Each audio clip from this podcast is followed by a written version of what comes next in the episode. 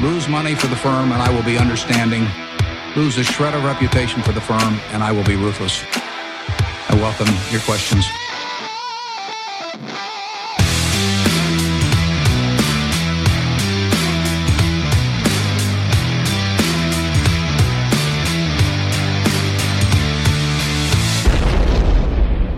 Välkomna till Kvalitetsaktiepodden. Det är jag som är Ola.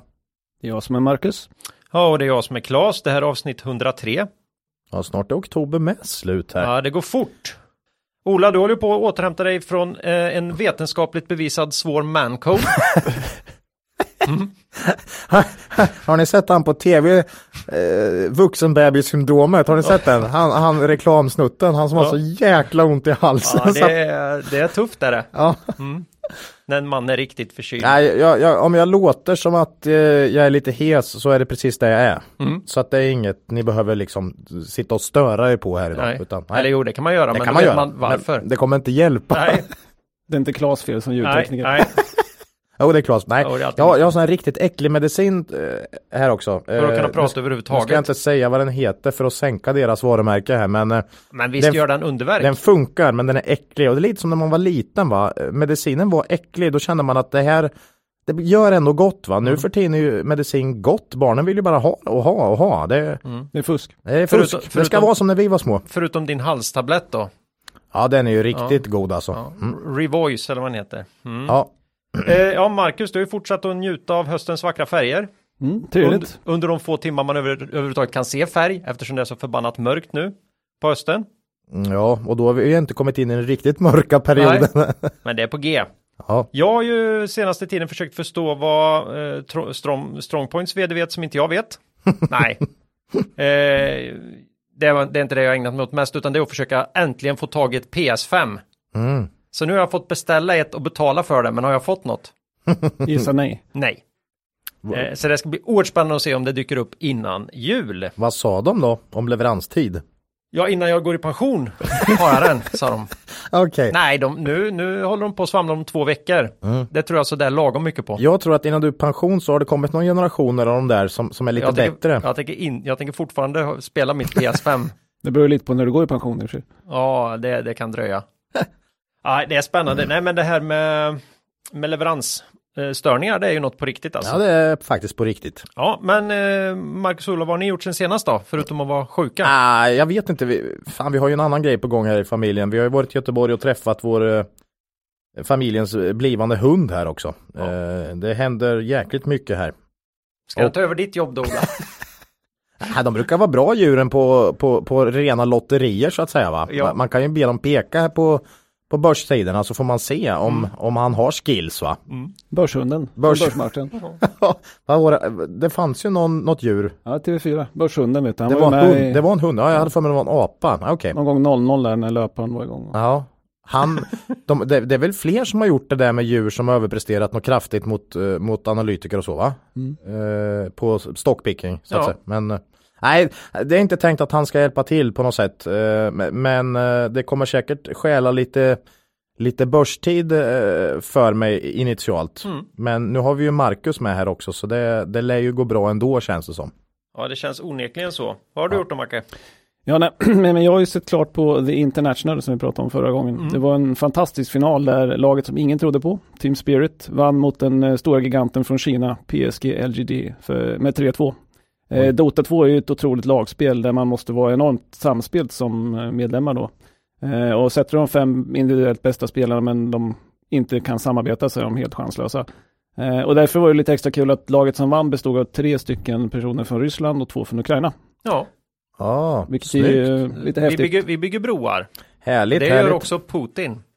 Rakt över sundet. Ja, ja, men, Ja, nej, men jag tycker det är lite Ja. fint att de kan spela tillsammans efter allt som har hänt liksom. Så. Ja. De kanske inte har samma Agg mot varandra agg mot varandra som, som, som länderna så att säga. Man vet inte. Nej, men de kan ju ha bra inflytande på Ja, alla ungdomar som tittar på det. kul, Mm. kul. Mm. Eh, sen kollade jag upp min eh, mest använda app senaste veckan. Vad tror ni det är? Ja, det är väl den här Quarter som du har snackat om va? Ja, Eh, Skönt att du var snabb där, för jag började, tänkte chansa på porr, men det var det hade ju varit helt, det hade varit direkt olämpligt. Ja, så det var tur, man att, du- det var tur som att du var snabb där. ja.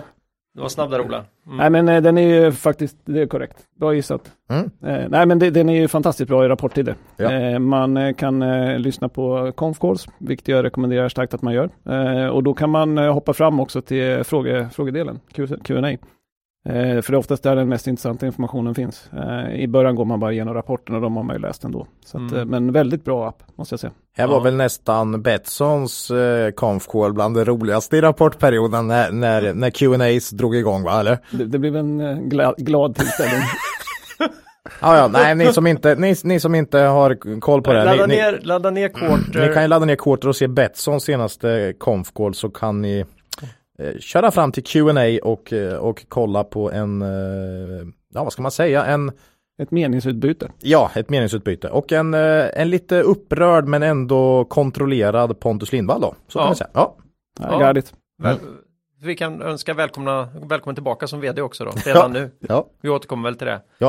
Eh, nej, eh, fantastiskt. Nej men eh, Quarter, eh, den känns lite för bra. Det är något som inte stämmer där. Man väntar ju bara på att snart, snart så måste de ju liksom börja slå en på pengar eller något. Den bör nog kosta snart. Mm. Det, här, Ja. det här är ingen, vi är inte, Nej. det är ingen samarbetspartner eller sponsor eller Nej. något utan vi tycker bara det är en bra app. Nej, det är ju en kanongrej att ha i rapporttider. Ja. Rakt av, faktiskt. Eh, så det är bra. Vad har du gjort Claes? Ja, det var ju det här med lyckas beställa en PS5. Det tar ungefär Det var två, det. det. tar ungefär två veckor. Två veckor, ja det är i för sig, om det tar två veckor, ja men då är det pensioner ungefär på leveranstid för det Ja. ska ju ta fem minuter att klicka hem något säger Ja, de. Så att, ja. Nej, nej men det, var, det har varit spännande. Eh, det, är, det är en lång historia, vi sparar den till, till en annan gång när jag väl har fått den här grejen. Ja. Ja, eh, vi var ju inne på det med Quarter och några andra som eh, både med glädje läser och funderar över bolagsrapporter och conference calls. Det är väl våra kära vänner på Cavalier va? Ja, de gör ju det åt, åt sina eh, andelsägare när de inte hinner, för de kanske är på eh, sitt vanliga jobb. Va? Men då eh, jobbar Peter och Håkan på som vanligt. Och eh, nu är det ju så här då att eh, ordningen eh, är återställd när det gäller namnen på Cavaliers fonder. Nu heter de förkortningen LMM i förnamnet. Det hade ju blivit så väldigt långt där ett litet tag Mm. vid bytet här. Men nu heter de alltså LMM eh, Cavalier Quality Focus och LMM Cavalier Investmentbolagsfond. Så ska det vara och inget annat. Hur går det för själva fonderna då? Ja, det går utmärkt. Vad härligt. Ja, Vi fortsätter rulla på. men det är ju ändå lite halvskakigt på börsen. Mm. Så eh, Peter här vill ju påminna våra lyssnare om att av värdet av att vara långsiktig när det kommer till investeringar på börsen. Vi pratar ju ofta om det i podden, om Mm. värdet av långsiktighet. Men Peter och Håkan är ju långsiktiga på riktigt och med stor framgång. Ja.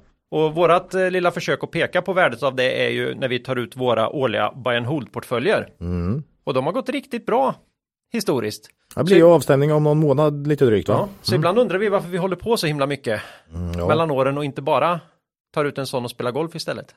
ja, men vi det är lite bättre är vi. lite bättre. Mm. Och det är roligt också. Go- är- go- bara golf blir inte heller kul va? Som jag brukar Ja, säga. men det finns också dart. Ja, det är inte kul alls tycker Ja, och du jag. kan leta kantareller med hunden. Ja, det är sant ja. Mm, Ja. Nej, långsiktighet är en nyckel då. Mm. Eh, men sen har det varit så här också att Peter, han har ju varit med i eh, Sparpodden med Alexander Gustafsson Oj, det har jag och missat. pratat om investmentbolag i allmänhet och eh, deras innehav då i eh, investmentbolagsfond, sin prisade investmentbolagsfond, Cavalier investmentbolagsfond. Mm. Eh, och eh, ja, man får ju reda på både Peters och Håkans syn. Eh, han representerar ju Cavalier här då i, i, i de- de flesta innehaven i, i fonden. De har ju lite annat än invest, rena investmentbolags också. Mm. Lite olika konglomerat och de här spackarna som vi har pratat om och lite så här. Den här tycker jag inte man ska missa och vi kommer lägga med länken i eh, avsnittsbeskrivningen. Och eh, den finns även ute på Twitter. På Cavalier, eh, sök på Cavalier där så hittar ni deras Twitterkonto. Och när man håller på med allt det här då ska man komma ihåg att historisk avkastning i fonder inte behöver vara en indikator på framtida avkastning och att ni kan förlora delar av, ert, delar av ert satsade kapital då fonder kan både gå upp och ner i värde. Tack säger vi till vår huvudsponsor Cavalier AB. Mm. Det var inte dumt va? Nej, fint. Är det några mer vi brukar ha med? Kommer, du, kommer du på något Macke eller? Jag gissar på börsdata. Ja, värdeinvesterarens bästa vän. Mm. Mm. Nu har det ju hänt. Ja, Mm. Börsdata har lanserat sin nya Pro Plus-tjänst med data från Holdings. Ja, nu är det så bra så att, eh, Mm. ja, jag vet inte. Nej, vi, jag säger så här, en, någon vecka efter starten är, är vi fortfarande som barn på julafton. Ja. Ma- Ma- Macke jag satt och kollade återköpstiming på många bolag här. Det är jäkligt kul alltså. Det är faktiskt ganska roligt att sitta och titta, för förut har det bara funnits en ganska tråkig databas från, från, eh, från, eh, som Nasdaq haft, men nu kan man få det i grafik och det blir ganska, ganska tydligt. Ja. Är ganska många som inte tajmar de där jättebra ändå alltså. Eh, faktiskt. Nej. Nej, man kan ju alltså få all, det mesta av Holdings fina data i, i våra nordiska bolag direkt i terminalen nu på Börsdata. Det är ju riktigt kul att titta på det med timing, eh, till exempel återköp. Eh, man kan se vilka bolag som är blankade om man tittar på lite större bolag. Eh, vilka som är huvudägare i bolagen och vilka andra uppdrag de har. Och inte minst vilka insideraffärer som gjorts i bolagen. Ja. Och för de som är nyfikna på det här så finns det ett exempelbolag som alla får upp om de testar de här flikarna Vilket i, är i det då? terminalen. Det var ju Ett jättebra att du ställde den frågan till mig. i Jag är, ganska, jag är ganska säker på att det var Electrolux. Okej, Även om jag har varit inne och tittat på flera hundra bolag här så det är inte lätt att, ja, okej. att komma ihåg. Jag tror att det är Electrolux man får, Ja. man får se. Tänkte att de inte tog något litet Ja. small cap från Norge direkt utan nej. Och eh, för att inte bara använda mina ord här så tänkte jag faktiskt eh, berätta här. Det här är ju en stor händelse i Börsdatas eh, historia här. Så att hur uttrycker de sig själva om det här då? Och då säger de så här. Ägardata kan synas trivialt men kan i många fall vara komplext att härleda. I synnerhet gäller det om det ut, eh, utländska ägandet är stort. Eller om någon äger aktier både privat och, via bolag. Modular Finance erbjuder via sin ägardatabas Holdings sedan 2015 kvalitetssäkrad ägardata och data som nu återfinns även i börsdata. Mm. Och det här gäller ju rakt igenom för alla typer av ägardata, inklusive den otro, otroligt svårtvättade tvättade blankningen. Eh, och insiderdata är också ganska svårt att få till Mm. bra, men Holdings har ju blivit Ja. mästare på det. här. Det är Ja. mycket manuellt arbete bakom. Det här är en lite dyrare tjänst. Jag tycker att är man eh, aktiv investerare och inte är van att ha tillgång till den här typen av data sedan innan om man kör månadsabonnemang då tycker jag man ska utöka till Pro Plus ett tag Man får testa. och testa på Mm, det här. Tycker jag med. För eh, jag tror att man kommer gilla det man ser. Mm. Tack säger vi till Börsdata. Ja, innan vi går vidare i avsnittet vill vi påminna våra lyssnare om att aktieinvesteringar alltid innebär ett stort risktagande. Aktier kan både gå upp och ner i värde. Satsa därför aldrig kapital på aktier som du inte är beredd att förlora. Det vi säger i podden ska aldrig betraktas som köp eller säljrekommendationer. Gör alltid din egen analys av bolagen innan eventuell handel. Jaha, kom det en liten tråkig men på något märkligt sätt lite glädjande nyhet då för mig här. Nyligen i Komplett. Vi skulle ju inte prata mer om Komplett. Men nu kom de ju med en slags vinstvarning här. Mm. Med en liten nedskrivning eh, på eh, 410, mil- eller egentligen resultatpåverkan på 410 miljoner NOK i Q3 som kommer här snart. Det är Mm. nästan ett och ett halvt års vinster som utraderas. Ja. Och vad har de gjort? Jo, de har sålt sina förmodat sämsta lån då. Inför den här regelförändringen som kommer för lån som är från 2019 och äldre. Och de har fått betydligt sämre betalt än vad de reserverat sig för i tidigare resultatet. Vem hade kunnat ana detta? Alltså vill man lyssna så kan man ju gå tillbaka och lyssna på det här eh, avsnittet som vi kallade för komplett omöjligt va? Ja, Eh, Där har väl du en liten utläggning om svårigheterna med den här typen av verksamhet ja, i allmänhet och komplett då i synnerhet. i synnerhet. Ja, så den, den, den kan vara bra att lyssna på. Ja, nej, det var Buffett har ju Tråkigt ofta sagt att det är stor risk att äga finansiella bolag, men det kan också vara väldigt lukrativt om man tajmar rätt. Han har ju köpt in lite amerikanska banker då och då. Eh, för de kan ju bli väldigt nedkörda de finansiella bolagen så att Buffett utesluter absolut inte finansiella bolag men eh, mm, det, det ska gäller vara, att tajma det det, rätt det gäller att tajma det rätt då. Eh, och ta rätt bolag också. ja, Sen är väl redovisningen väldigt svår. ja. Eh, Mm. Nästan alltid. Och det är, han har fått frågor på det ofta, liksom att det är mycket lättare att, att, att titta på redovisning för någon som säljer möbler än, än just en finansiell verksamhet. Eh, Det säger sig självt nästan. Inte tok-transparent alltid kan vi väl säga. Nej, svårt. Så är det. Ja, eh, Anna, eh, det här var ju på Aktuellt. Mm. Något annat Aktuellt hade, Macke du hade lite grejer. Ja, nej men vi, jag såg att de här Peers Group, en e-handel som eh, e-handelsleverantör då, av tillbehör till motorfordon, eh, crossmotorcyklar, vanliga motorcyklar, eh, snöskotrar och så vidare.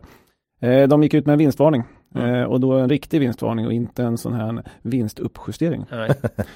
det går åt skogen helt enkelt. Mm. Det går inte så bra. Nej. Eh, nej men och det här var den 18 oktober så det var en, en liten stund sedan. Men man varnade för höga kostnader för containerfrakt från Asien och att det slår mm. på marginalerna. Eh, rörelsevinst från 12 till 3 miljoner. Eh, och man håller på med ett arbete att justera priser ut mot kund men det har inte kunnat kompenseras eh, än så länge. Eh, två stycken eh, saker som jag tänkte på där då. Eh, ett, bolagens kostnader ökar. Det kommer marginalpress och det här kommer gälla för fler bolag. Mm. Det är ganska många som importerar från Asien så att säga. Ja. Och två, det här kommer ju slå igenom på priser, driva på inflationen. Um, Sen pratar man även om att man hade lite minskad efterfrågan på grund av lättnader från eh, covid då, restriktioner nere i Europa. Eh, och det kan ju också bli ett tema från ganska många bolag. Mm. Um, och då kan man ju också tänka på att eh, Peers Group noterades den 26 mars i år. Så det är inte så länge sedan. Nej. Um, och för 64 kronor och står nu idag i 57 då. Men då varnar man för det här i prospektet att Ja, det var precis det man kanske inte gjorde. Okej, okej, okej. Nej men och det är ju säkert så att det ja, kommer det finnas eh, fler eh, bolag som, som, är i den här situationen som kanske inte har varit så hundraprocentigt tydliga i prospekten om att eh, man har viss eh, COVID, positiv covid-påverkan eh, under 2020. Det kommer ju många till börsen nu faktiskt så att det är kanske många som har gynnats och noterat sig då. Passat på såklart. Ja och, mm. och frågan är hur tydliga de har varit. Ja. Så att det är väl liksom en liten varning att eh, tänka efter lite extra där ute och hålla koll på bolag som kan vara i samma kategori. Ja. Mm. Vi har ju sett Desenio och några stycken till, men det kan finnas fler där ute. Ja, mm. ja, ja viktigt. Mm. Ja. Eh, sen har du likt många andra funderat en hel del på ett fenomen. Ja. Eller du, du, du, har, du har funderat, du, det här har ju du pratat om alltid Marcus. Nästa, ja, känns det, som. det som är lite jobbigt är att du ville ta det i förra podden men då fick du inte för att vi det så Och idag kom Dagens Industri med något nu kör de samma sak. Men, ja, det är typiskt. Men, ja, så de var först. Då, ja. Mm. Han var först eftersom vi inte han tar det. Ja, men nu tar vi nu. Ja. Nej, men vi, det är rapportperiod, så att det kan vara värt att påtala vad vi tycker är den starkaste ineffektiviteten på marknaden. Um, det finns ju många talesätt, en del står mot varandra. Uh, köp till sillen, sälj till kräftorna. Amerikanska, sell in May and go away. det är ganska svårt att förena de här två eftersom den ena säger att man ska köpa och den andra säger att man ska ge sig av från marknaden. Ja. Eh, jag lutar mig åt den senare för aktier är ju generellt sett vintersport. Absolut, kolla senaste 20 åren så. Mm. Mm. November till april är generellt sett starkast. Eh, så, men de där är väl halvbra kan man säga. Eh, men eh, den ineffektivitet som, som faktiskt har funkat väldigt bra under lång tid kallas ju då Post Earnings Announcement Drift. Eh, och den existerar rakt av. Mm. Eh, det här innebär ju då att en aktie som presterar något fundamentalt positivt, ofta en, en bolagsrapport, eller tvärtom, negativt, eh, kommer då gå bättre eller sämre än marknaden en bra tid efter att det här offentliggjordes. Och som sagt, det fanns en artikel i DI idag som man kan läsa om det också. Mm. Det finns ju flera anledningar till att det här finns. Det dröjer ju ett tag innan alla har sett informationen, innan man har bearbetat den. Det går inte så blixtsnabbt som, som en effektiv marknadshypotesen skulle säga.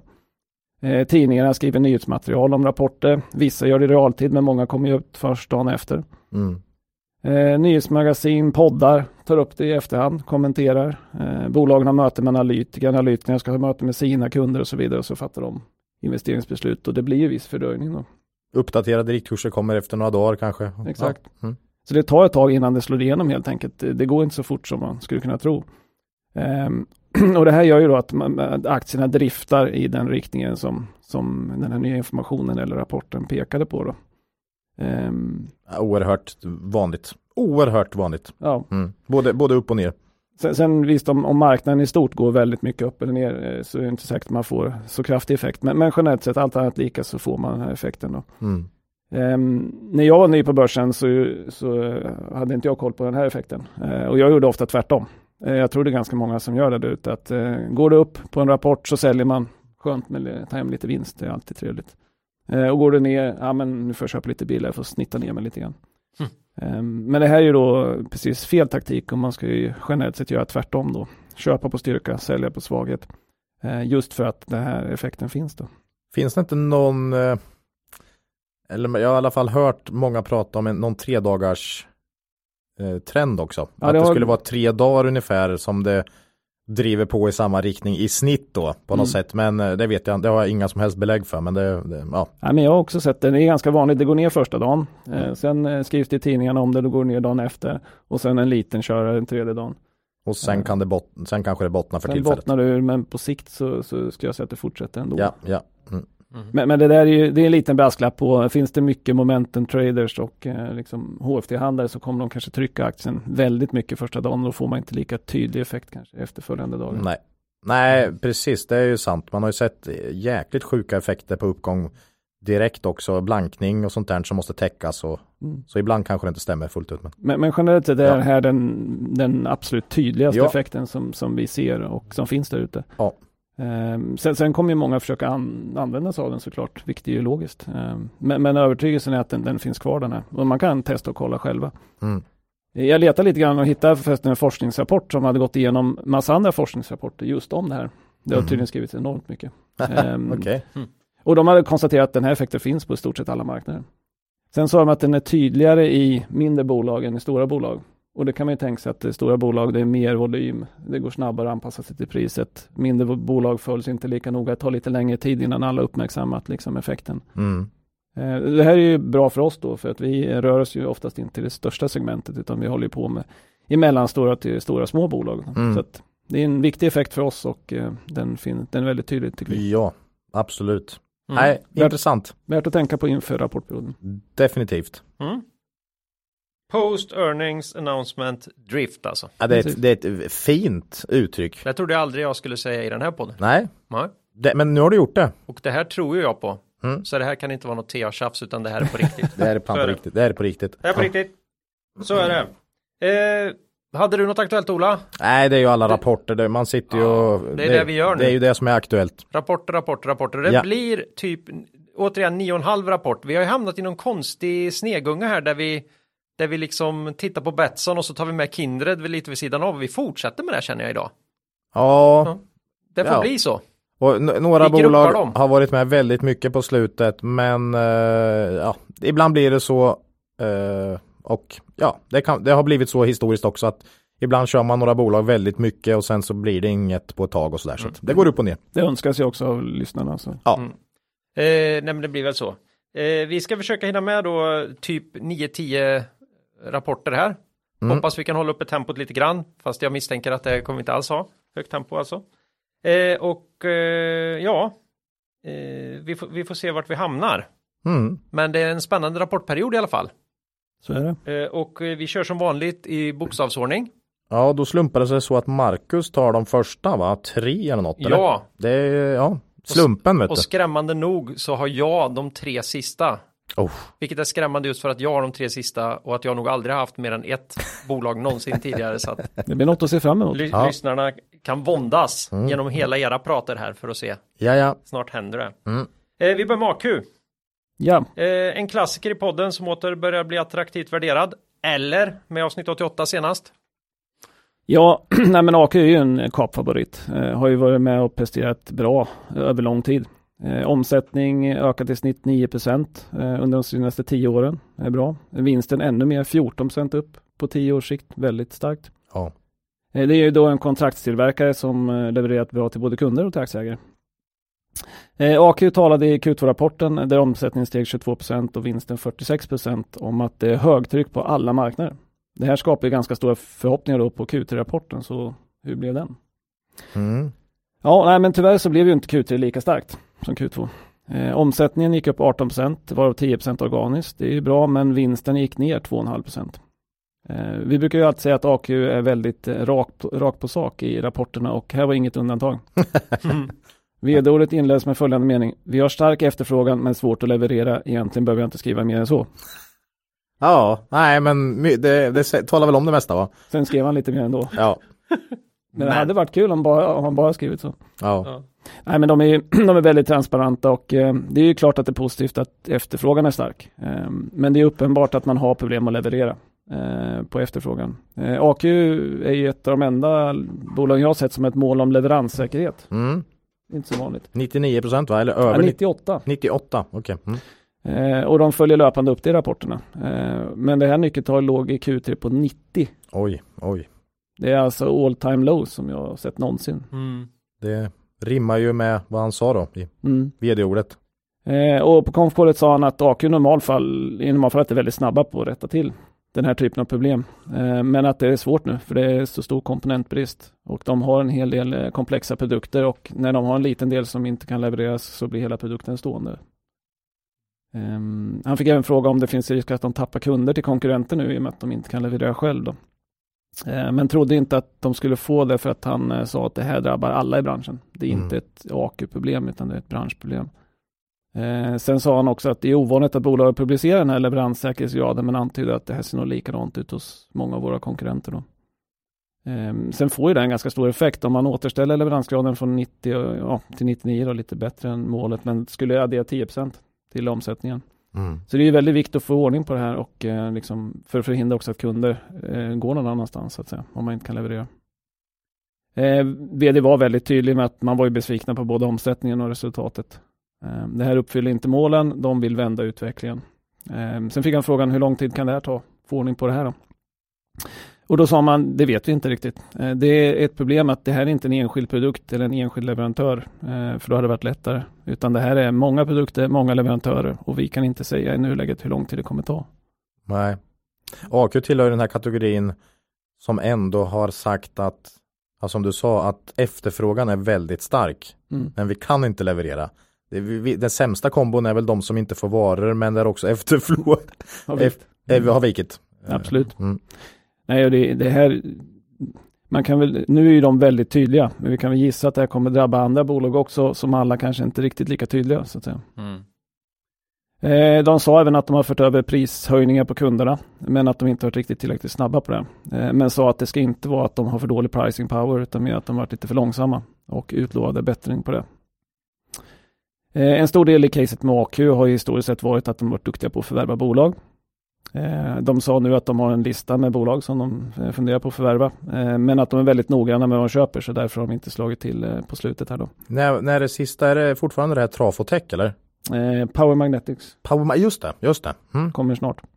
Ja, I, I, I wait, I wait. Nej, men de, de sa också lite intressant att de gör eh, due diligence själva för att vi kan branschen bäst. Tyckte jag var lite intressant. Gött alltså. Mm. Eh, och de säger att de säger nej till en massa bolag. Så det är väl positivt för aktieägarna att man är noggrann helt Mm. enkelt och inte köper vad som helst. Eh, men, men det är en utmaning att hitta bolag just nu som uppfyller kriterierna men, men hoppas kunna lyckas då. Där är ju en take, eh, lite att AQ har gått från eh, köpa lite eh, turnaround case till bra bolag eh, och betala lite mer känner jag. Trafotech var i alla fall ett bra bolag Ja.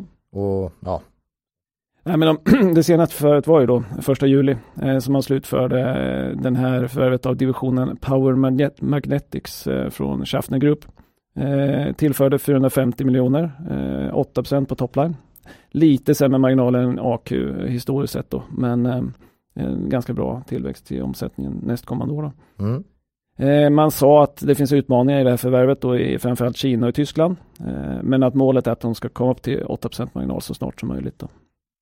Eh, Och de sa också att eh, det ska inte ta flera år att få ordning på det här. Vi har en eh, robust plan för hur vi ska, hur vi ska lösa problemen så att säga. Sen sa han att de tittar ofta på att köpa bolag som, som är skapligt billigt. Jag skulle säga att Trafotech var nästan undantaget. Okej. Mm. Mm. För att försöka höja lönsamheten sen, att de har en bra plan för hur Mm. man ska göra när de går in då så att säga. Det är det de har varit så bra på. Mm. Eh, det blir ju extra häv. Du betalar inte så mycket och så får du bra vinst Mm. på det här. Det blir ju det blir väldigt billigt om du kan få rätsida på det så att säga. Absolut. Mm. Och de har ju varit duktiga på det. Ja. Och att man historiskt sett har varit så framgångsrika med köpen är ju en, en, en viktig del av caset och eh, ja, nu har nettoskulden gått upp lite grann då efter köpet från Schaefer, men eh, man eh, har möjlighet att köpa mer. Eh, det är ingen begränsning i, kapitalet. Så kan man alltid vända sig till aktieägarna om man skulle hitta någonting riktigt stort. Just det. Jag tror inte det är något problem för AQ att få finansiering om man, om man hittar ett bra köp. Nej. Eh, så, men, men jag tror däremot inte att, eh, eller att det kommer ett förvärv redan i år. Man har liksom för mycket interna problem som måste reda ut. Så det är förmodligen nästa år. Då. Eh, hur ser vi på AQ i dagsläget då?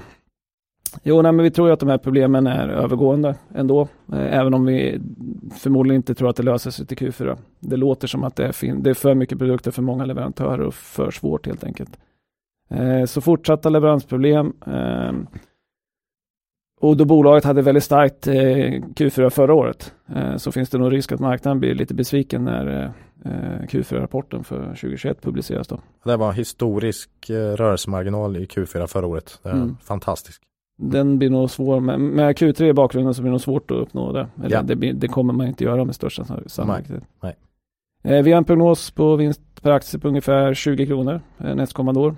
Bolaget handlas idag lite under 300, det ger P på knappt 15. Eh, är ju inte jättehögt för kvalitetsbolag som AQ. Särskilt i dag, dagens börsläge, men det ger inte någon jätte margin of safety idag. Eh, särskilt inte med beaktande av att det finns risk för då svag Q4. Nej.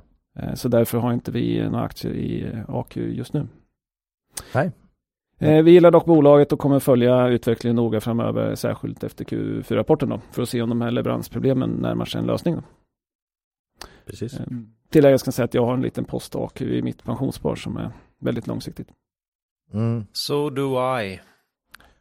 Vi kommer inte ihåg faktiskt. Jag börjar bli som Lynch. Mm. Jag börjar få så många aktier nu, Tusen så att aktier i pensionsspar. Det går bara att anta att jag har. att jag Tusen har alla. aktier att 2000 kronor styck då. Ja. Eh, mm, mm. Jag har börjat uppleva att jag använder den lite som en sån här bevakningslista över bolag. Så jag säljer liksom inte av när jag, när jag borde, utan jag behåller lite grann. Vilket är helt idiotiskt, för man får ju ett rejält courtage den dagen man ska lätta det där sista, för man Mm, tröttnar på det. Ja. Så, eh, rationell, rationellt. På Mm. tal om det så stötte vi faktiskt på eh, tidigare jobb på en eh, person som köpte en aktie av alla aktier. Eh, för han ville ha en aktie av alla aktier. Vi försökte påtala att vi tror att det är en ganska dålig idé. Eh, men han tyckte att det var, det var Oj. kul att ha liksom en gigantisk indexportfölj av en aktie av varje. I, I hela Stockholmsbörsen typ. Ja, alla aktier. Men Som- han som i hoppas människan handlar courtagefritt bara. Ja, det tror inte jag han gjorde, men eh, Okej. nej, det, var, det var en så kallad eh, kul dålig idé. Ja, fy. Ja, aj, aj. Ja, Okej. ja, så kan man göra. Mm. Om man, eh, om man hatar sina pengar. Det gäller dock att inte handla för högt då så att man får någon sorts enpetar Uh, bot på sig. Nej, Nej, det, man får vara då, försiktig. då kan det bli riktigt dyrt. Då blir det väldigt dyrt. Ja. Ja, det där var i och för sig mångpetare i sådana fall. Alltså. Mm. Han kommer Ja. skylla på det i alla fall. Ja, eh, det var AQ. Svar ja. Ja, då hoppar vi vidare till eh, det vi pratar om nästan hela tiden nu för tiden. Eh, Betsson och lite Kindred. Det här är ju spel om pengar på nätet. Eh, båda var med i senaste avsnittet och nu har de rapporterat. Ja men precis. Nej men vi, vi tog ju upp de här eh, i ut längre perspektiv på Betsson framförallt eh, förra gången. Eh, men pratade även om problemen som har varit på i närtid då. Och vi kommer inte köra Betsson i varje podd. Men nu har man haft Q3-rapport som sagt så att nu tar vi upp dem igen här. Vi väver in lite Kindred mellan varven i och med att de är ganska närbesläktade och vi får frågor kring dem. Så att, men sen blir det nog lite paus eh, tills det händer någon nyhet eh, eller någonting som gör att vi tar upp dem Någon igen. nyhet? Ja, men då är de med också i nästa, i nästa podd och podden därefter förmodligen. Ja det händer ju en del kan man säga. ja. Så är det. Men, men först så noterade vi en del kommentarer efter förra podden, där man verkar ha lite missförstått genomgången där, där man eh, sa att vi hade ändrat åsikt kring eh, iGaming-bolagen. Eh, och eh, vi tycker ju fortfarande Betsson och Kinder är jättefina bolag och köpvärda på sikt. Eh, vi har ju bara konstaterat att vi tror att de kan få lite tuffare på kort sikt. Mm. Så det vill vi bara klargöra. Och Kindred har vi inte ägt i bolaget på Ja, jag vet inte, sen i våras i alla fall något. Mm. Eh, och Betsson sålde vi ju eh, Ja, här för ett tag sedan. Och det är ju främst en fråga om perspektiv, vilket Ja. tidsperspektiv man anlägger på Mm. frågan. Så att, Ja, precis. Tidsperspektiv är ju mm. det viktiga där. Men eh, ja, Betsson hade som sagt rapport den eh, 26 oktober. Eh, den visar på att intäkterna gick upp eh, 3% till 1,7 miljarder lite drygt. Eh, organisk tillväxt 8% Man har ju som vanligt valutan emot sig. Det var ganska länge sedan man såg någonting annat faktiskt. Ja, Det Verkligen. eh, turkiska liran ser ut som en eh, svart pist i en skidbacke. mm. Erdogan kanske också vill åka skidor. Ja. Mm. Ja. Ja, det, är, det är svårt att se när den ska vända faktiskt. ja, fy. Eh, vad som var bra var att mobila intäkter utgjorde 81 Oj, av totala intäkterna. ja det är mycket nu. Upp från 76 eh, föregående år. Och det här är ju som vi sa eh, tidigare i avsnittet att det är väldigt bra för att vi tror att eh, det här driver på eh, eh, intäkterna framåt så att säga. Ja, såklart. Mycket mer tillgängligt och sådär. Mm. Eh, kasinointäkterna minskar 2% sportboken ökar 24 Sportsportmarginal 7,9% en liten bit över snittet eh, historiskt då. Mm. Eh, rörelseresultatet minskar 1,7 procent på grund av att rörelsemarginalen gick ner till 18,7 procent från 19,6 förra året.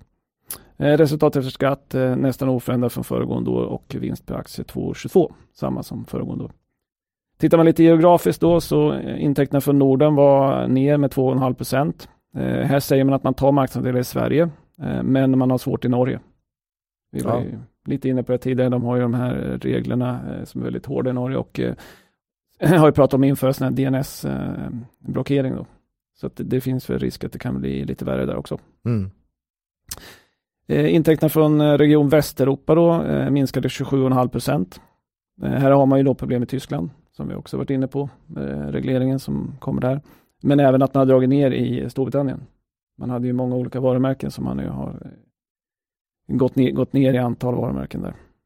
Eh, det som ökar då eh, positivt var ju Central, Östeuropa och Centralasien, SEKA, eh, gick upp eh, 21,4 procent. Och här var det då Kroatien och nyöppnade Grekland som hade väldigt stark utveckling då. Bra. Övriga världen gick också bra, eh, 59 procent upp. Ja, den har ju gått starkt länge. ja. Det är väl Sydamerika mycket. Sydamerika mycket, Peru var starkt det här, den här Ja. gången. Peru måste snart vara uppe mm, på tvåsiffrigt av omsättningen. Mm. Eller? Ja, jag, jag har ingen siffra exakt på Peru. Nej, det, det får man aldrig, men eh, det känns som att Peru har gått väldigt starkt senaste åren. Mm. Så Ja, du menar rensat för Holland? Holland ner så Peru upp. Ja, Peru upp. eh, Det, blir, ja. Ja, det, men det, det, det, känns som att det går bra i Sydamerika för Betsson. ja definitivt. Eh, och här kommer ännu mer för att eh, den första oktober då, eh, alldeles nyligen då, så slutförde man det förvärvet av Incabet. Mm. Eh, och det här kommer ju påverka 2022 positivt. Eh, Incabet hade en omsättning på 217 miljoner. Eh, Jaha, så oj, det var mer än vad jag kom ihåg. Ja. Eh, rörelseresultat på 76 miljoner. Mm. Det är ju substantiellt. Eh, och de angav på konfkålet då att eh, Incabet började som sportsbok och den delen är störst, vilket vi tycker är bra då. Mm. Så att vi kan nog förvänta oss en kraft, fortsatt kraftig ökning i övriga världen där. Sen är man ju verkligen inte transparent med vilka exakta marknader, vilka länder det gäller, utan man får ju bara världsdelarna. Nej, men liksom hela bettingsektorn är väl ganska förtegna om vart man tjänar pengar känns det som. Om man kollar på Evolution och, och Kindred, alla de här. Verkligen Eh, så. Leo V, det är väldigt otydligt. Du återkommer väl kanske till Till- Ned- Nederländerna, men Mm. det här har ju varit ett uppvaknande även för oss. Jo, det har det. Verkligen, det här har vi trott att, ja men, hade de haft sån väldig exponering mot någon enskild så hade det väl ändå framgått på något sätt, men det kan vi säga att det gör det icke. Nej, eh, Mm. man kunde väl räkna lite utifrån vilka länder de har i Västeuropa och så vidare och sen men samtidigt det är en stor skillnad här på omsättning och vinst. Mm. Mm. Eh, det var väl det som chockade oss lite hur stor andel av vinsten det ändå var. Mm. Eh, Särskilt i Kindred då. särskilt i Kindred ja, precis. Ja, ja. Mm. Ja, nej men, eh, men, men som vanligt i spelbolagens rapporter är det inte så mycket fokus på siffrorna. Det har ju blivit nästan galet det där. Det är ingen som bryr sig om siffrorna Nej, nej. Utan man tittar bara på den här så kallade trading update som, Mm. som de eh, nu har börjat ge till marknaden, eller börjat man har på ett tag. Men, men i och med att man då ger lite grann om framtiden och marknaden är extremt framtidsinriktad så, så bryr man sig inte om siffrorna längre. Ja, här kan man glömma det här med att nej, men jag köper in ett bolag som jag tror presterar en bra Q3. Den, Ja. är, den är helt meningslös här utan du måste fundera på vad kommer trading-updaten säga? Ja, verkligen Eh, så. Så är det. Det har Mm. blivit lite galet tycker jag. Ja. Eh, Men i Betsson hade då en trading update som sa att intäkterna fram till den 17 oktober då var minus 17, valutaneutralt minus 13 Mm. eh, och man hade en låg sportsbokmarginal på 4,2. Svagt. Och det var den och eh, Holland då som var orsaken till, till nedgången. Eh, men sen kom ju Kindred då och chockerade marknaden med liksom ett dagligt spelöverskott fram till 24 oktober, lite längre då, eh, på minus 61 procent. Ja, det är ju helt galet alltså. Det var ju rätt kraftigt får man ju säga. Ja. Eh, Och de hade en sportsbokmarginal på 2 procent. Jag, har aldrig, hört- jag har aldrig hört om, om, om så låg eh, sportsportmarginal faktiskt. Nu är det i och för sig bara, vad var det, 17 dagar eller 18? Ja, fram till 24. 24, ja. Men, Varenda match måste gått åt fel håll för dem. Mm. ja. Jag har ju kollat en del på fotboll, jag kan inte riktigt, eh, ja. Ja, det är jättekonstigt att den kan vara så låg tycker jag. Mm. Men på Känns ju nästan som man har satt felaktiga odds. ja. Ja, eh, och, och dessutom brukar ju Kindred ligga lite högre än Betsson om jag kommer ihåg rätt eh, över tid. Det vill säga Betsson kanske har 7,5 7,5 medan Kindred ligger på 8,5. Men hur, hur, eh, här undrar man ju lite grann hur påverkar bonusar och sånt? Ja, det, men Om det. du skänker bort mycket spel, Mm. slår det på den? Ja, rimligtvis. Mm. Så det finns ju andra sätt för dem att få ner sin Jo, marginal. jo. Ja, nej, vi- spela gratis. Vi, vi såg ju det, Kindred hade ju en, en, en slide från, från USA, eh, sin, sin satsning där borta. Eh, där det tydligen är vanligt med free bets på marknaden. Och man hade varit tvungen att liksom, ja, lite ta seden dit man kommer och Mm. eh, också eh, ha free bets. Så att eh, kan ju ha en viss påverkan möjligtvis. I Sverige får du inte ha free bets och free spins och så längre va? Nej, det är en helt annan reglering. Så. Ja, att- ja. Mm. Man får ha något lite grann med en helt ny kund va? Okej. Men eh, när du väl eh, har haft en kund så får du inte erbjuda något mer. Nej. Men USA är lite mer guldgrävarmarknad. Ja, det är som Ja. Europa var för tio år sedan. Och det kan man säga, Kindred, om- det har ju varit en fin hockeyklubba eh, liksom på utvecklingen i USA, men, men de senaste två månaderna har hockeyklubban brutits av lite grann. Ja, inget kul för Det vill- caset. Nej, det vill man inte se. Eh, får hoppas de får ordning på det igen. Eh, men på konfkollet så sa Betsson att man har sagt, sett en stark aktivitet i sportsboken, men spelarna har vunnit mer än vanligt. Det har varit favoritsegrar helt enkelt under Q4. Ehm, Men eh, aktiviteten har varit bra, Eh, marginalen trendar tillbaka över tid. Men man sa en liten brasklapp att det kanske inte hinner bli så i Q4. Så jag tyckte man sa lite grann att det är inte säkert att det kommer tillbaka till normala snittet redan i Q4 när det börjar så Mm. svagt. Nej, det är klart. Har man nästan en tredjedel så här lågt så Mm. är det ju svårt. Eh, Kinder hade en genomgång just som du sa Ola med, med historiska sportsbokmarginaler och att det varierar över tid då. Eh, Mm. och att den går sen tillbaka till, till ett eh, och att de har haft vissa perioder kortsiktigt under kvartalen tidigare. De har haft väldigt lågt men att det alltid har trendat tillbaka till den rapport, till rapporten så att säga. Det är ju det som är hela upplägget. Om man sätter rimligt vettiga odds så kommer det ju över tid Mm. bli ett snitt. Men ibland har spelbolagen tur och ibland har spelarna tur. Mm. Eh, så är det ju. Men, men över tid så kommer det ju komma tillbaka. Så att, att man ska ju inte lägga för mycket fokus på, på sportbookmarginal om den är ner eller upp enskilda kvartal tycker Nej, jag. För, för, för det är inget som egentligen eh, har bärighet på, på hur verksamheten kommer gå. Så är det. Ehm, så att eh, Varken upp eller ner egentligen. varken upp eller ner. Nej. Eh, sen sa ju Kinder, tyckte jag var lite intressant, att de hade kollat att eh, 75% av spelarna när man vinner eh, pengar stort så låter man pengarna stå kvar på kontot. Eh, så man tar inte ut dem, vilket gör att man kan ju då räkna med att det kanske blir mer spelande för de här pengarna framöver då så att säga. Men som sagt, kontentan är väl att det brukar jämna ut sig över tid. Mm. Men marknaden är kortsiktig. Ja, bevisligen. Eh, Men sen är ju elefanten i rummet och det är ju såklart Holland. Eh, Det har ju varit den stora frågan och är den stora frågan. Eh, Betsson fick på konfkollet en del frågor om guidningen, eh, det vill säga minus 25 eh, miljoner ebit varje månad från Q4. Eh, Man stod fast vid den här och angav att den är baserad på historiska siffror men att det, den har de räknat igenom ordentligt. Mm. Även om analytiken ifrågasätter det lite. Som Mm. Ola var inne på tidigare. Ja, men sen har man aldrig publicerat några marginaler, för man är ju ganska hemlighetsfull. Eh, men det är ganska rimligt, som vi sa i förra podden, att räkna med att man hade mycket bättre marginaler här än vad man har haft i många andra länder i och med att man inte fått göra någon marknadsföring. Eh, och det marknads... är ju vad har man lagt i Betsson? Ja, typ 18, ja, 17-18. 17-18 procent av omsättningen historiskt Mm. är ju marknadsförings så att Mm. det är ju en jättestor del Mm. eh, är det ju. Så att ja, det är klart. Och stryker man den så blir marginalerna väldigt höga. Ja, Eh, Även Kindle fick ju frågor om guidningen. Eh, De har angett minus 12 miljoner pund per månad, vilket är klart mer än Betsson. Eh, Mm. Men de ville inte ge detaljer av det av anledning att de inte ville störa licensprocessen. Jag vet Ja. inte om det är känsligt hur mycket pengar man har tjänat i Holland egentligen för att få licensen. Liksom. ja kanske det. Eller så vill man inte berätta bara. Ja. Men i alla fall, eh, rörande licensen då så angav Betsson att eh, man ska lämna in en ansökan så snart den här cooling off-perioden som man är inne i är till ända och sa att det var ungefär i februari eh, 2022. Och att granskningen ska ta sex månader. Eh, Kindred sa att man skulle lämna in ansökan i Q4 2021 och tala också om sex månaders granskning. Då. Så att om de här tidsplanerna håller så kommer ju eh, Kindred vara igång tidigare än Betsson då i Holland. Få, Ja. få lite försprång. Känns ju inte som att var riktigt så länge som det kändes initialt ändå. Ja, det blir ju en bra stund. Ja, det är en bra stund men ändå. Och så ska man börja jobba upp sin Ja, kundstock igen. Mm, så där tar men, men ändå. Det, det här är ju också övergående. Det är övergående, men, Mm. men eh, frågan är hur det kommer bli. Ja, Eh, de kan ju inte göra så mycket just nu då, i och med att det är nedstängt. Men eh, Betsson sa att man förbereder en så bra ansökan som möjligt, anpassar produkterna för att kunna öppna med starkt erbjudande.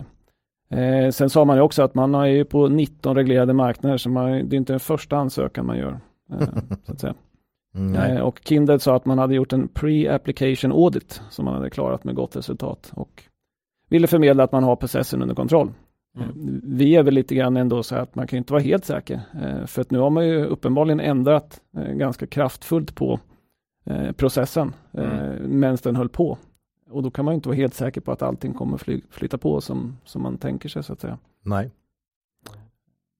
Men, men grundtemat är att man får sina licenser. ganska konstigt ändå om man skulle stänga ute två så stora spelare som jämfört med många andra ändå liksom tar spelsäkerhetsfrågor ja, man, på, alltså, Man har ju ja. infört ett licenssystem, man har börjat dela ut licenser och man har delat ut licenser till alltså, bolag utanför Holland redan. Ja. Så det vore ju märkligt att man ska peka ut just de här två, Nej. en eller två av dem så att säga. Mm. De verkar ju åtminstone försöka göra det enligt reglerna här och vara eh, noga, både Betsson och Kindred. Mm. Så att eh, det är klart. Ja, vi upplever att de är bland de, de som tar ja. det på mest allvar. Ja. Eh, ändå, så.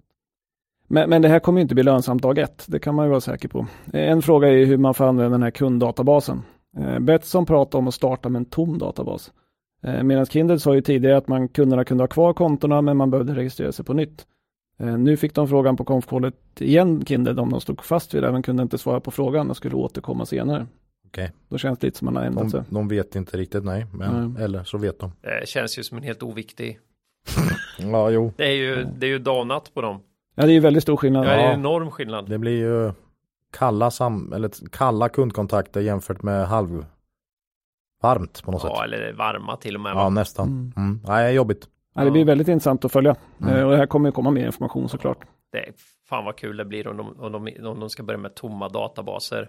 Ja, kul vet jag inte men. Och, eh, och det visar sig att, mm. att eh, någon, någon är lite framåt och är i kontakt med lite slumpvisa holländare som de tror kan vara intresserade av deras eh, sporterbjudande. Ja, ja. Nej, det kommer ju inte bli bra alltså. Nej, jag vet inte. Man kan mm. väl köpa databaser?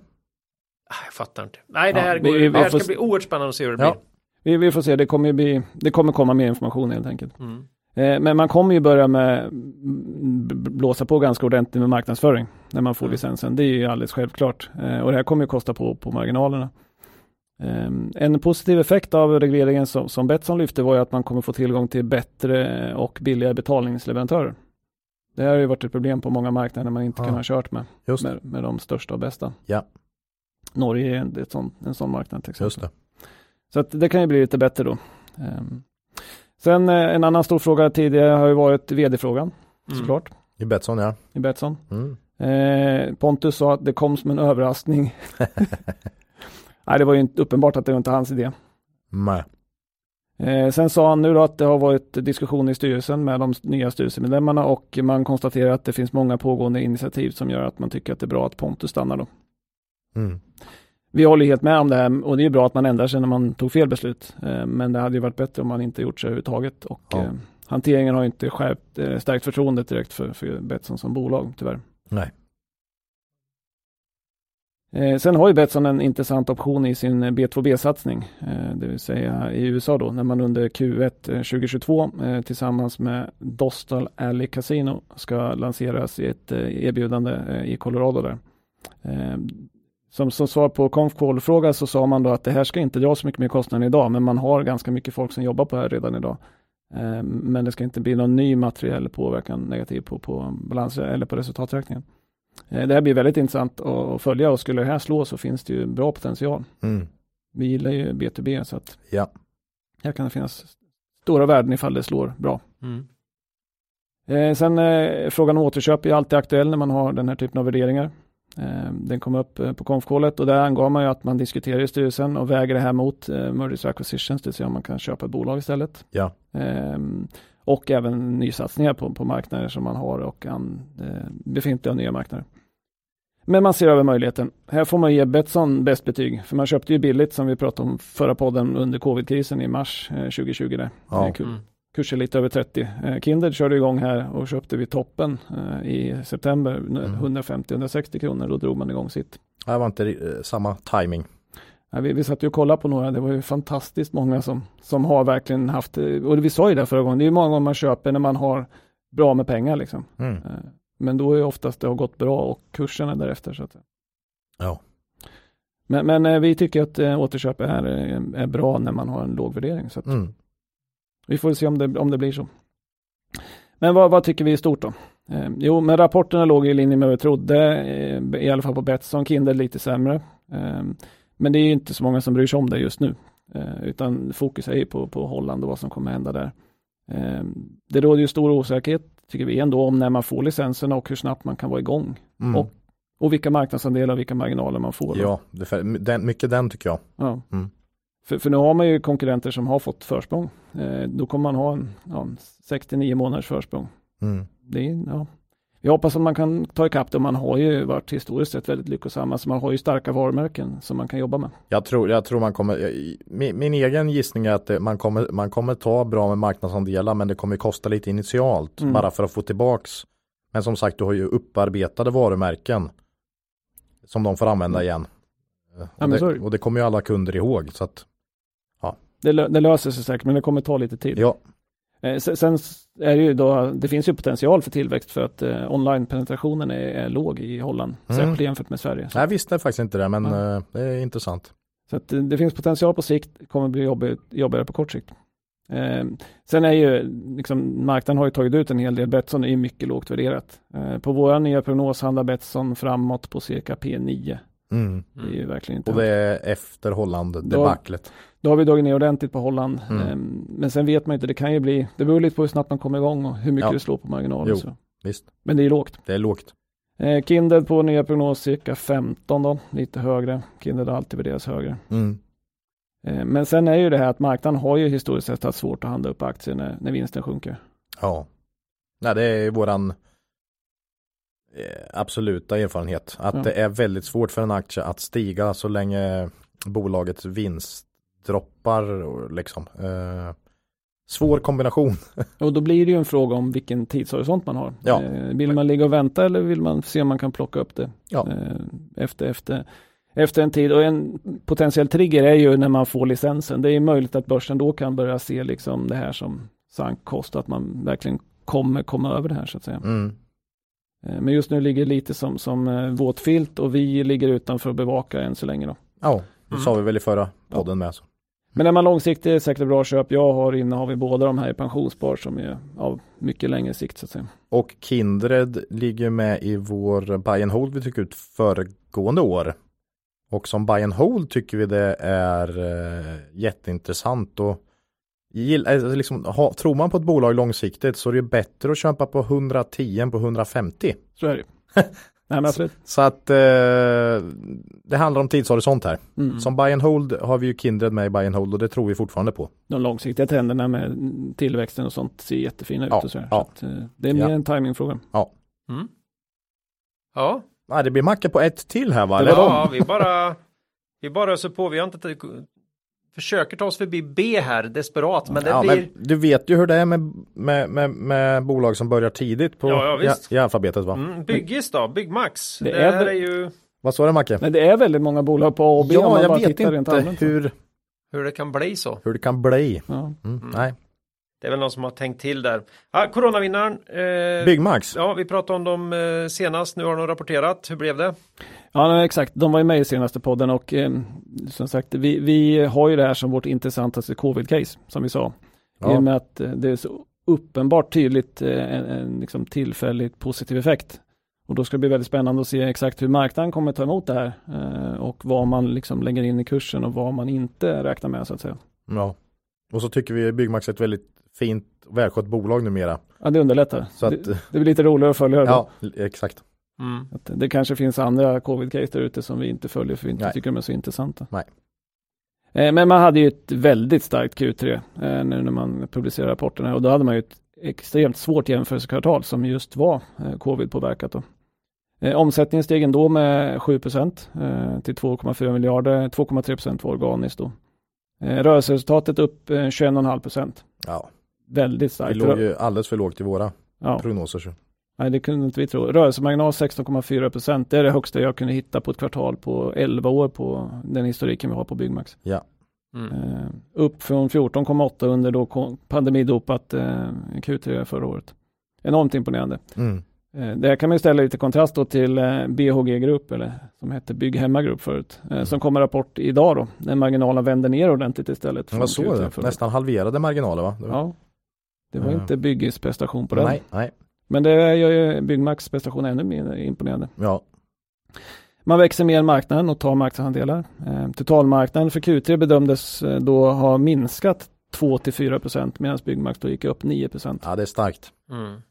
Och även eh, på nio månader så är totalmarknaden 3 procent plus, Byggmax 14 och eh, sen 2019 så har marknaden växt 22 och Byggmax 43. Ja, bra. Detta enligt Byggmax. Ja men eh, marknaden var inte deras egen. Så att, eh, Nej, de har nej. något sånt där Ja. branschorgan Ja. Mm. som kollar det där. Så att eh, de, de har presterat bra helt enkelt. Eh, Vi har ju bra förtroende för, för, för ledningen. Ja. Och man säger att lågpriskonceptet vinner, vinner kraft då, så att säga. Och sen har man de uppgraderingarna till 3.0 som vi pratade om tidigare då när man breddar utbudet med, med, med mer och får, får till en, en ökad försäljning. Då. Eh, man, säger att man har haft vissa utmaningar i varuförsörjningen eh, men att de har varit hanterbara. Eh, det har inte varit så kallad core offer utan det har varit i det breda utbudet online då där man har haft bland annat problem med garden machines. Mm. Det Ja. jag vet inte exakt vilken typ av sådana Men maskiner har de varit en säljer. del av gräsklippardebaclet eller? Jag vet- jag vet faktiskt inte. Flera av de stora robotgräsklippar och jag tror kanske också varit vanliga gräsklippare har ju haft helt ja, jättedåliga leveranssäkerhet där under. Mm. Det är nästan värre än PS5 så kan du fundera själv. ja men det kan ju säkert vara det för Mm. att eh, de, de sa att det var just den här typen av produkter. Jag vet som- ju hus, Husqvarna har ju varit eh, löjligt har Mm. nära vänner till mig som har väntat hela jäkla sommaren och lagom till de tänker att nu är det läge att, att packa ihop då, Mm. då kommer Då kommer häx- leveransaviser- häxsax- då kommer leveransaviser-. Nej, då kommer den här eh, gräsklipparen så de får gå och putta själva hela sommaren igen då. Ja. Ja, fick, fick, de lite, fick de lite träning i alla fall. Ja, det är till och med lyssnare på, till den här podden som har råkat ut för detta. Ni anar inte. Ni anar inte. Ja. Vil- Vilken misär. Mm. Så det kanske hänger ihop. Ja, nej, men som sagt, eh, ja, det, det hänger säkert ihop och, och det här är ändå problem som borde vara övergående. Mm. Eh, I Q4 brukar man i Sverige inte behöva så mycket garden machines. Nej. Kanske en lövblås på hösten, men, men sen blir det Eh, Så Ja. att, eh, nej men det borde minska problemen just det här då. Ehm, Sen eh, säger man att ökade råvarupriser har kompenserats av ökade konsumentpriser. Känner igen den? Ja. Här gav man en kommentar om att branschen nu är mer strukturerad. Det brukar vara corporate bullshit för att det är mindre konkurrens. Eh, och att det var därför lättare att skicka vidare prisökningarna då. ja, det verkar verkligen som att Byggmax har lyckats med det i alla fall. Ja, verkligen. Mm. Eh, man förbättrar bruttomarginalen, eh, säger att det förbättrar produktmix och skaleffekter. Eh, uppe på bruttomarginal på 34,8 som jag tror är all time high. Snyggt. Mycket bra. Man säger att man ska driva tillväxt genom att upp, fortsätta uppgradera till 3,0 då. Man har åtta stycken uppgraderingar under perioden och 54 procent av beståndet är nu 3.0 då. Eh, Man ska fortsätta växa e-handeln, den är upp 4 procent i Q3, men då ska man betänka att den växte 40 procent i jämförelsekvartalet då. Ja, grymt Så det är starkt. ändå starkt. Mm. Det, men det här eh, har vi ju pratat om. Det kan man nog nästan gå tillbaka och jag trodde att de kommer aldrig kunna hålla, hålla kvar den nivån de hade uppnått nu under eh, pandemin. Mm. Jo då, Mm. det är fruktansvärt imponerande. Ja, men jag, jag har liksom lite känsla att en, en, en del grejer kommer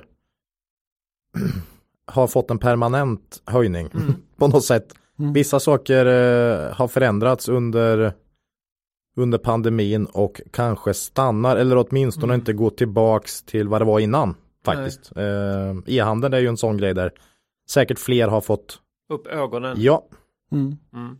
Eh, Det här är nu 18 procent av eh, försäljningen, oj, så det är en det ganska är stor bra. del. Ja, det är bra. Eh, Det som växer snabbast online är det här click and collect, collect pick up in store.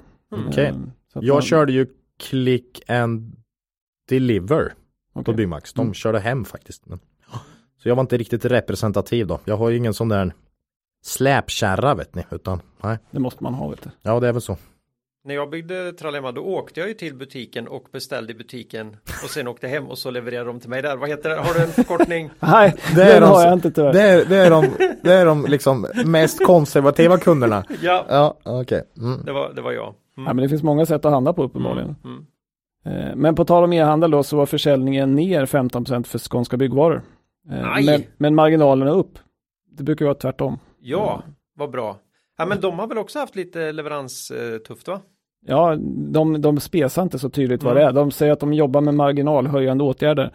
Och det har Okej. man ju lyckats med, men de är inte så tydliga med varför, varför försäljningen gick ner. Så, att säga. Men förra året var väl också starkt för byggvaror, äh, skånska Ja. byggvaror kan jag tänka. sig. så är det säkerligen. Ja. Och eh, man, man sa också att orderingången eh, för september såg bra ut. Eh, Eller det var starkt i september. Så. Eh, sen har man ju vid kapitalmarknadsdagen sagt att marginalerna för e-handeln är lägre än den vanliga eh, marginalen. Det har inte jag sett i deras rapporter någonstans, men de var väldigt tydliga på kapitalmarknadsdagen. Mm. Eh, tycker jag de skulle skriva i rapporten om det faktiskt är så. Ja, Eh, sen och det- om det är så, vilket de då säger själva, så är ökad e-handel bra för tillväxten men inte riktigt lika bra för marginalen. Även om det inte syns i det här kvartalet. Eh, man talar om eh, add-on acquisitions, det vill säga att om man hittar några förvärv så ska man eh, gå in och köpa och man har ju en mycket starkare finansiell ställning som vi var inne på i, i, tidigare avsnitt här. Mm. I och med att man har gjort så otroligt eh, bra resultat under, under pandemin då. Så att eh, man borde inte, ja, det kan mycket väl komma ett förvärv inom kort då. Eh, Man har ju breddat sig ganska mycket om man går tillbaka några år tillbaka i och med att e-handeln är mycket större. Man har ju trädgårdsprodukter och så vidare. Man borde vara lite mer stabil än tidigare. mm. Har ju varit väldigt svagt på vintern så att säga. Eh, Här har man ju köpt också det här right price tiles eh, och ur ett säsongsperspektiv är det bra att få in kakel. Det borde byggas mer badrum som kaklas på vintern än eh, inte lika känsligt som, som trallvirket på sommaren. Så att säga. nej. Och det förvärvet blir klart 31 augusti då. Så det är en månad med i siffrorna och det kommer komma in med ungefär 300 miljoner norska kronor från och med nästa år då. Eller i nästa år. Så det blir en effekt där. Eh, sen har man ju då inlett återköp eh, och eh, man, man, har, man säger att man ska köpa för 200 miljoner. Man har även sagt att man ska makulera aktierna då vid nästa bolagsstämma så att man får en, en skjuts uppåt på vinst per aktie. Återköpen ungefär 3,28 kronor per aktie. Ehm, vi såg en slide då där man har bakat ihop utdelningen och återköpen som återföring till aktieägarna. Om man väljer att se det på det sättet så kan man då tro att kanske utdelningen inte riktigt blir lika hög som man, den hade blivit om man hade sett att man skulle, de har ett mål på 50 procent Ja, eh, av, av vinsten att delas ut då så att säga. Eh, och man gör ju vinst i år ungefär på 11 kronor per aktie. Skulle det mm. bli 5,50 då, men om man ser utdelningen som en del av återföringen så, så kanske eh, om återköpen är en del av återföringen så att säga så kanske utdelningen blir lite lägre. Mm. Eh, vi tror på 4. Vi såg att Börsveckan trodde på 7,5. Det tror jag är lite högt. Oj. Men vi får se i år. Ehm, men som vi sa i podden, återköp är ju värdehöjande när aktien värderas lågt. Då. Så att, ehm, eh, sen talar man om att går mot ett nytt marknadsläge. Eh, man, man säger att eh, det har tillkommit många gör det självkunder under pandemin. Så marknaden är större än tidigare. Men att man kommer ju få en effekt av pandemin. Då. Ehm, man säger att stanna hemma-effekten har minskat efter att restriktionerna släpptes. Då. Känns ju logiskt. Väldigt logiskt. Mm. Eh, och, men, men man säger att det är viktigt med att man har så stark husmarknad eh, och att det ger bra grogrund för försäljningen. Då. Men man behåller målen. Och det här är ju vårt stora men då. Om vi pratar elefanten i det här caset så är ju det målen. För att man har ju de här målen som innebär att vinsten kommer minska på fyra års sikt. Eh, på konfkålet så fick ju vd fråga om målen eh, och eh, jag tänkte läsa upp vad han sa. Ja, vad sa han? Jag läste ju på Twitter att det var folk som ville att vi skulle prata engelska så att nu får de sitt lustmäte. Nej, men vd fick fråga om målen och sa då We expect that the markets will come down from pre-pandemic levels. Uh, It's up 22%. Maybe it will come down half, maybe a bit more or a bit less, but will have a negative impact. There will be some sort of reset and we will see what that means for the total sales numbers. Mm. Man är ju rätt tydlig med att det kommer ju att gå ner på marknaden Mm. mot vad det är nu. Mm. Eh, Kanske halva uppgången då. Ja, det var ungefär det han sa i Mm. den här artikeln som vi refererade Mm. i förra, eh, förra podden också. Ganska Ja. rimlig. Men, men vi har ju, vi, vår, vår syn på målet är att det är inte omsättningen som, som vi har den liksom, Nej, nej, nej. största diskussionen kring, utan det är ju Marginal. lönsamheten. Ja. Och då fick han fråga där också. Och då sa han, in terms of profitability margin, we are clearly above target at the moment. We expect that the market will come, come down, which will have a negative impact on profitability. We also e, expect to invest quite a lot in growth initiatives, perhaps even step that up in order to reach the growth target on own initiatives. Ja. Ja, han, han säger helt enkelt att de räknar med att marknaden går ner, då kommer marginalerna gå ner och de kommer även satsa för att nå tillväxtmålet på omsättningen. Och Mm. då kommer man att eh, få ner marginalerna. Så de är ju rätt tydliga här. Eh, så la han till, on top of that we will have to evaluate if there is headroom on to the ebitda margin eh, target after that or not. Eh, but we are of the view that the 10 billion SEK target is fully doable at a margin of 7 to 8 percent. Mm.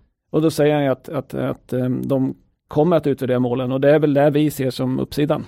Eh, Skulle man revidera målen så blir vi klart mer intresserade. Ja, eller om marginalen går ner till 5 Först. först. Ja. För då, då känns det som att man har en, en, en vinsttrend uppåt under några år sedan. Ja, nej, för vi läser ju det här som att eh, man kan revidera målet, men man säger ju också att det, det ska gå att nå målet med 7-8 procent. Mm. Det är en intressant skrivning för att man kommer ju uppifrån. Det brukar ju vara skrivningar om man har lägre marginal och säger att vi kan nog nå det här Mm, målet. Liksom. ja. Nej, det verkar som att de tror på att de ska ner en del här. Verkligen. Eller nej, men de tror ju, de säger ju det de rakt. säger Ja, det. så att de ska ju ner eh, vinstmässigt. Och, och det är ju liksom det stora eh, ja, elefanten i rummet att eh, man räknar med klart lägre vinst om fyra år än vad man har nu. Eh, och det är ju svårt för en aktie att gå upp tror vi, eh, på korta sikt i alla fall med en sån vinstminskning framför sig. Vad blir värderingen på den här målen då? Har du, alltså om 2025 då? Jag kommer faktiskt inte ihåg exakt vad, men vad det blir. liksom det Men var det är nu- P 7 eller något sånt där? Eller 8 eller så. Ja. Ja, lite högre. Lite högre ändå, Nog okej. 10. eh, ja men då är det frågan, P10 på 2025 det är ju liksom inte vrålbilligt. Det är ju bra om man, om man är långsiktig kan man Jo. ju ligga och vänta på det och plocka bra, bra Mm. direktavkastning Ja. under tiden. Men, men eh, man såg ju också på börsens reaktion. Det var en enormt fin rapport. Ja. Jättefina siffror. Mm. Eh, Men ändå så svängde den kraftigt upp och ner, stängde eh, 3% upp, men nu handlas den 5% lägre än innan rapporten. Ja. Hur, har du koll på blankningarna i, i Byggmax? Jag tror det har tillkommit en del till. Okej, så för är, ju- den är ju blankad vet jag en del. Ja, Ja. Nej men så att, och, och det är ju liksom, marknaden har sa, samma syn. Det, Mm. det är svårt när vinsten ska, ska, ska ner på fyra års sikt. ja. Ehm, Även, även om den då, med, med den vinsten om fyra år är relativt lågt värderad så är det ändå svårt. Mm. Liksom. Mm. Men, men det blir lite samma sak eh, faktiskt så, som, som i Betsson-caset. Det är lite frågan om vilken tidsperspektiv man har. Ja. Ehm, vi har inte aktier just nu i Byggmax. Vi gillar bolaget. Vi kommer noga följa utvecklingen. Ehm, eh, och jag har en liten post i pensionssparandet som sagt är väldigt långsiktigt. Mm.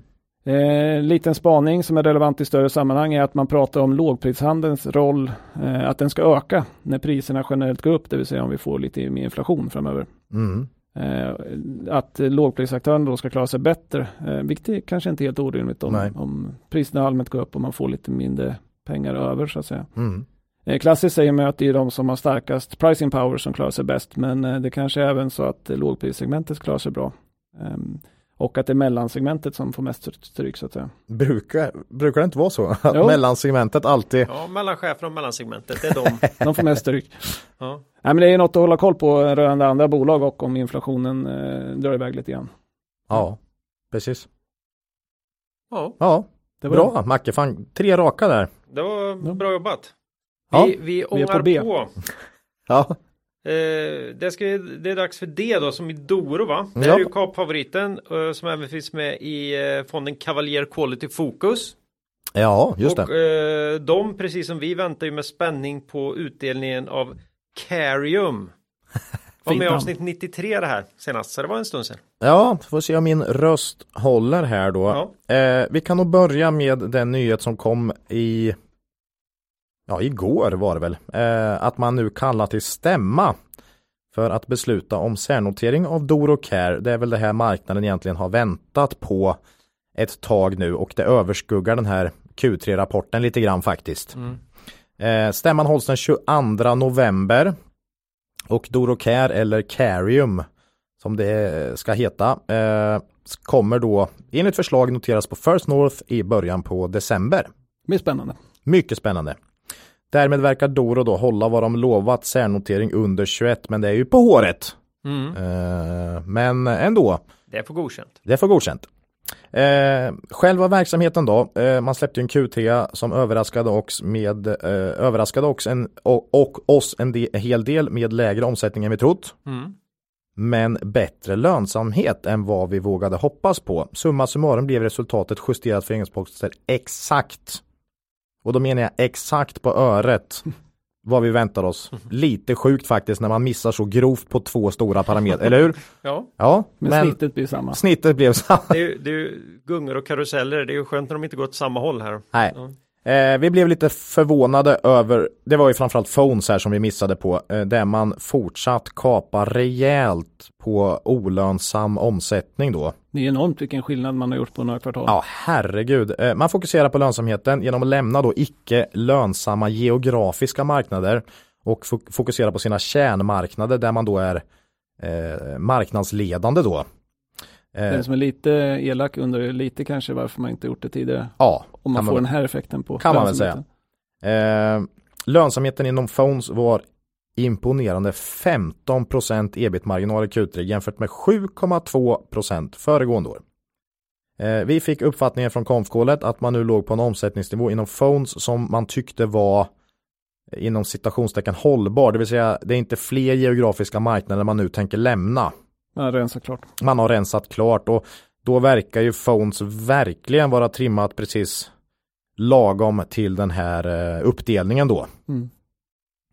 Eh, Doro har ju varit marknadsledare inom kommunikationslösningar för seniorer i flera europeiska länder under lång tid nu. Eh, och strategin för phones nu framåt är att befästa sin marknadsledande position på de här marknaderna vad gäller seniortelefoner samt att man då ska bredda erbjudandet till fler produktområden inom eh, kommunikationslösningar för seniorer. Eh, man pratar också lite om strategiska samarbeten och förvärv. Även inom phones när det är då ett separat bolag. Det har man haft svårt att göra innan. Mycket svårt när man nu har eh, krigat om pengarna med Care. Mm. Men som enskilt bolag så ska det vara en, en strategi här då faktiskt. Eh, så lite intressant. Eh, phones i dagsläget efter man har lämnat alla de här marknaderna då så omsätter man lite över en miljard SEK, typ 1,1 miljard med en ebit-marginal på fina 11 procent faktiskt. Det är bra. Mm. Om vi då går över till Care så ökade man här omsättningen med 13 procent i Q3. Det är ju lite olika världar för de här två affärsområdena kan vi säga. Den organiska tillväxten var 5 procent. Eh, I Care tog man ytterligare engångskostnader under kvartalet. Denna gång 5 miljoner i historisk korrigering av moms i Norge. Eh, Känns väl även i Care som att man städar inför den här särnoteringen faktiskt. Det är rimligt. Det är rimligt ja. Och båda de här företagen kommer nog vara i hyggligt gott skick eh, kan man förvänta sig när nu uppdelningen sker då. Eh, Man skriver att man inte är nöjd med lönsamheten. Eh, Bruttomarginalen påverkas negativt av högre kostnader för komponenter samt frakt. Ja. Det, Det har vi hört förut. det har vi hört förut. Eh, Ett återkommande tema i den här rapportperioden. Ju. En viktig del av strategin för Care är förvärv av liknande verksamheter på utvalda marknader. I och med att, man, i och med att marknaden karaktäriseras av trögrörlighet och långa avtal så är nog kompletterande förvärv av abonnenter rätt väg att gå tror vi. Mm. Eh, Norden och UK har under lång tid varit geografiska marknader som man befunnit sig på men i september tog man steget in i Holland genom förvärvet av Innocom. Innocom är ett av tre ledande företag inom välfärdsteknik i Holland och supporterar 26 000 slutanvändare. Eh, vet ni förresten vilka som äger de andra två ledande företagen i Holland? Vi gissar ju på Törnstål. Eh, Ta- Tandstål ja, äger Mm. den näst största och det köpte man under 2020. Men vet ni vilka som äger det största bolaget inom det här i Holland? Jag råkar ju veta det nu då eftersom jag har överhört, eh, överhört dig här. Ja, vi- Men jag hade aldrig gissat det, aldrig. Assa Abloy har Kommer tagit... inte det som en chock eller? Ja, nej, För kanske... alla som inte har följt Assa Abloy kanske. Ja, nej, Assa Abloy har gett sig in i den här leken och gjorde ju, äger numera det största, ska jag säga, eh, larmtjänstbolaget De, i Holland. de låste en affär där. Mm. Ja, man Eh. tänker efter så finns ju viss eh, synergi med att man håller på med, med lås Jo. och sen larmen. Att man kanske kan kombinera dem. Så. Ja. Ja, Nej men så lite intressant. Elektriska grejer. och att alla dessa affärer har gjorts Mm. inom 12 månader ungefär då. Mm. Eh, totalt då hade Dorocare eller Carium då cirka 390 000 abonnenter vid utgången av Q3. Eh, den organiska tillväxten på mogna, mogna marknader som Norden där digitaliseringen har kommit långt tror vi kommer vara lägre än till exempel UK där övergången från analogt till digitalt ligger liksom kvar och borde kunna driva tillväxt för Doro framöver. Eh, sen drivs ju såklart den organiska tillväxten även av en åldrande befolkning och att en större andel kanske vill ha larm Mm. framöver. Men vi tror den organiska tillväxten kan vara större på marknaden med låg digitalisering då. Eh, jag har suttit och funderat på det här och räknar med att kan framåt kan ligga på ungefär 5% organisk tillväxt. Eh, en gissning såklart, men eh, en gissning så gott som något annat. Eh, sen tror jag att man kommer addera 5-10% från förvärv om man nu kan hålla ett hyggligt kassaflöde här. Historiskt har man ju tagit en hel del pengar från intäkterna från telefonerna Mm. för att göra förvärv inom eh, larm. Mm. Luriga rackare det, det, där. det går ju inte längre efter uppdelningen då. Men jag tror att man, om man får en skaplig lönsamhet och värdering på det här så kan man ta in pengar från marknaden om man Ja, behöver. dels det. Plus att det här borde vara en verksamhet med hyggligt bra kassaflöden över tid. det också. Eh, Så att jag, ja, jag tror det kan bli ett, ett, ett, ett bra tillväxtcase eh, med tvåsiffrig tillväxt då. Eh, kollar vi framåt så tror jag marginalmässigt att man bör kunna leverera en ebit-marginal på 10% i care. Man låg på cirka 8% under 2019 och 2020. I år har det varit lägre men vi ser det lite som en tillfällighet och lite städning då faktiskt. Eh, jag har tänkt att göra en sån här servettvärdering av delarna här. För det är ändå en uppdelning som är på gång här. Spännande. Vill ni höra? Absolut. Ja. Den är väldigt grov men vi brukar göra så för att eh, det är inte så särskilt eh, mycket troligare att man kommer närmare sanningen. Bara för att man Bara för att man räknar. eh, finare. nej. Eh, Phones har 1,1 miljarder i omsättning och ett ebit på cirka 100 miljoner. Det är höftade eh, ungefärliga siffror, siffror alltså. Eh, och i de här 100 miljonerna då är allokerat ungefär två tredjedelar av de ej allokerade rörelsekostnader som finns i Doro till Phones. Eh, jag tycker väl att 100 miljoner ebit borde ge en värdering runt miljarden för Phones. Mm. Give or take lite, men eh, någonstans, tio gånger liksom. Eh, Carium dock, här börjar det bli svårt faktiskt tycker jag. På riktigt. Eh, jag tror nämligen att Carium kan få en ganska hög värdering på börsen.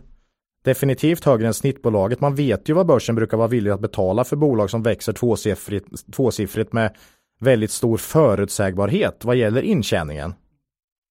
Eh, jag kommer heller inte riktigt på något bolag som liknar Carium riktigt i Norden. Eh, jag har i alla fall inte koll på några klockrena peers där. Eh, så det är lite unikt. 390 000 abonnenter fördelat på flera länder i, i en intressant specifik nisch. Mm.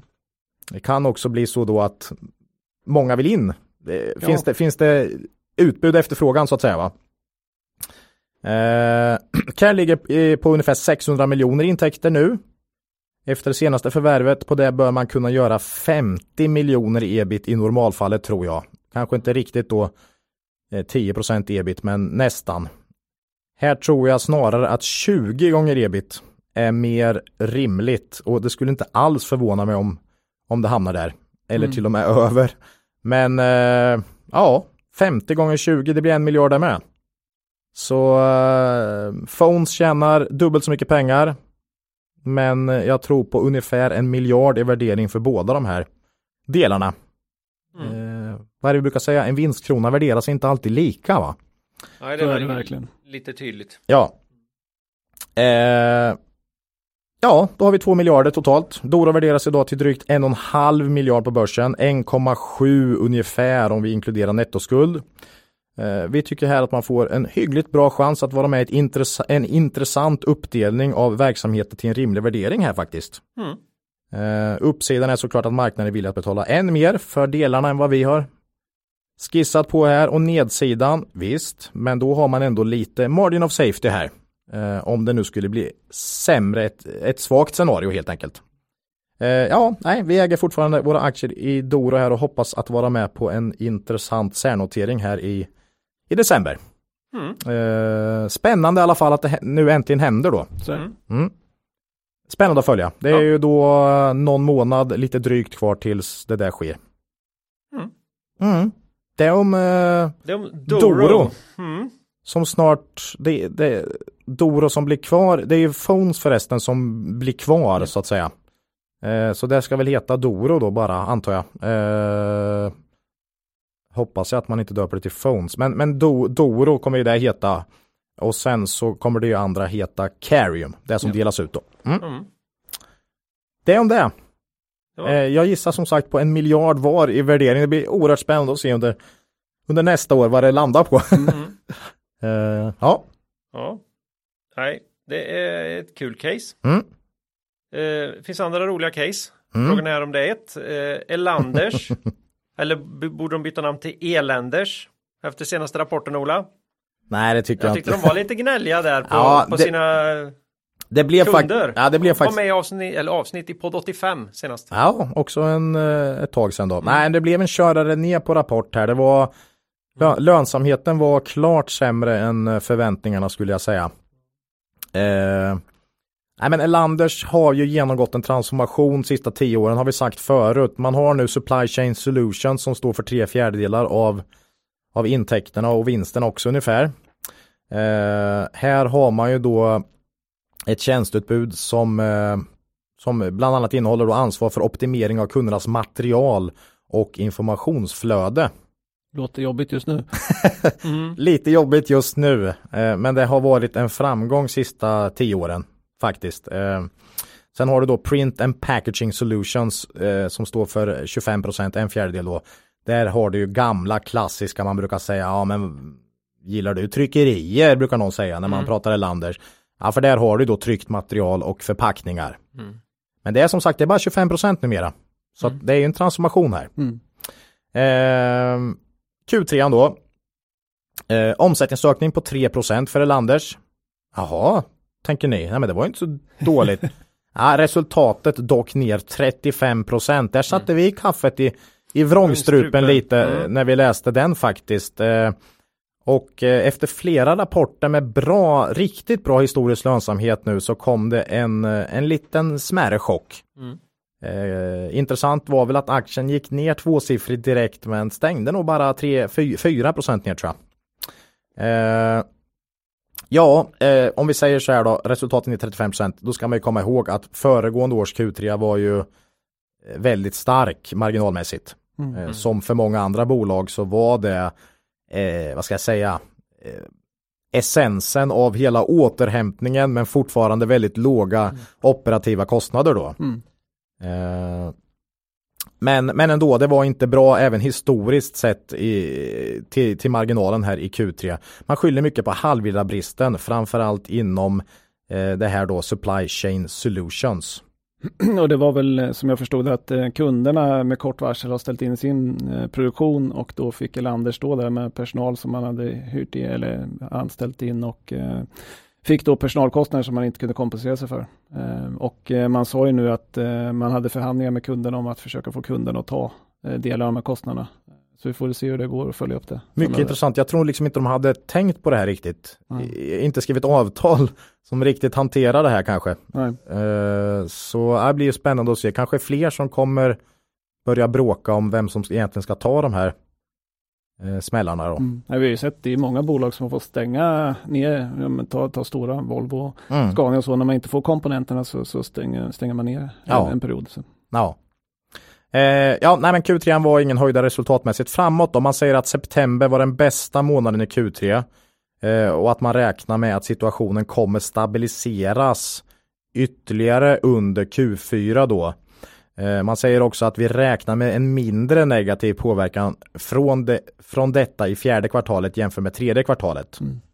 Eh, Våran tolkning är då ändå att om man räknar med en lite mindre negativ påverkan är ändå att det kommer bli eh, Stentufft. Nej, det, kom, det kommer inte bli lika bra som historiskt, men det kommer vara bättre än Q3. Typ så. Någonstans där. Då landar vi i ungefär 9 kronor i vinst per aktie för år. Här såg vi dock att både analysguiden och börsveckan låg högre än vad vi vad vi gör. Ehm, så att vi kanske är för för pessimistiska. För nästa år, tycker jag man kan måla upp ett relativt ljust scenario eh, om saker stabiliseras vad gäller hela den här eh, eh, materialflödesproblematiken då. Och eh, vi har faktiskt 11 kronor för nästa år. Det är ju lite över 20 procent vinstökning. Här ligger också Börsveckan och, och Analysguiden klart över oss. Så de tror på en rejäl vinstökning. De låg på 12,70 såg jag. Eh, men på våra förväntningar så har han sagt aktien till drygt P13 och det är ungefär som det historiska snittet. Nu tycker jag Elanders är ett bättre bolag än vad man har varit historiskt faktiskt. Så att eh, jag tycker mm. nog att P13 är lite lågt för Elanders. Men nettoskuld på över 3 miljarder här. Så ev ebit ser ju liksom inte bättre ut här. Eh, snarare nästan högre på ev ebit då. Det, jag tror det är 13, nej det kanske är ungefär samma då. Mm.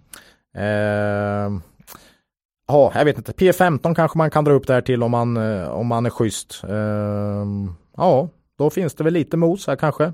Vi vill dock flagga för att vi, eh, även om nu inte Börsveckan gör det, så tror vi på ett sämre Q4 än föregående år. Lite på det här temat om man vill eh, äga bolag där minsten kanske inte går upp då. Vi tyckte väl också att omsättningsökningen berodde stor del som de skrev på att fraktpriserna för kunderna hade gått upp och så går fraktpriserna upp och så fakturerar de vidare dem till kunderna. Det är en ganska dålig kvalitet på den omsättningen. Väldigt låg kvalitet på den omsättningen mm. och det är väl det som syns här då. Mm. Eh, så att det känns som att nej, vi, vi har svårt att se att Q4 blir, blir lika bra som föregående år. Eh, men vill man köpa in sig Lander så har jag full förståelse för det alltså. Eh, jag tycker det är ett intressant, bra bolag och dessutom så äger Carl Bennet eh, 50% av kapitalet och 65% av rösterna. Så det är ju stabil, bra ägare. Det har vi ju sagt förut. Det är ju sällan folk har varit jätteledsna efter att de har tagit rygg på Bennet. Alltså. Nej, jag tycker han, har, han gör, har gjort det bra historiskt. Mm. Så det är en bra ägare att ta rygg på. Så att, nej, vi, När hans bolag skakar lite så det, det behöver inte alls vara fel. Nej, eh, ja och det har de gjort. Getinge har i många perioder skakat rejält men eh, mm, nej, vi äger inga aktier i Landers, men nej, spännande case är det. Ja, tack. Det var Tyckte det det. Klara, Klara tack, tack. rösten bra. Ja, faktiskt. Det är de här. Jag tycker du är lite väl hård mot de här fantastiska. Ja, det är de här Yellow, Re, Yellow Revoice heter de. Mm. Ja. Det är, du, det är du operasångerskorna som använder dem. Nej, hon på apoteket frågade om jag, om jag skulle hålla tal. Uh, jag tyckte hon såg så gammal ut så jag, jag vågade inte säga podd, att jag, att, att jag spelar in podd. Så jag sa, nej jag pratar i radio.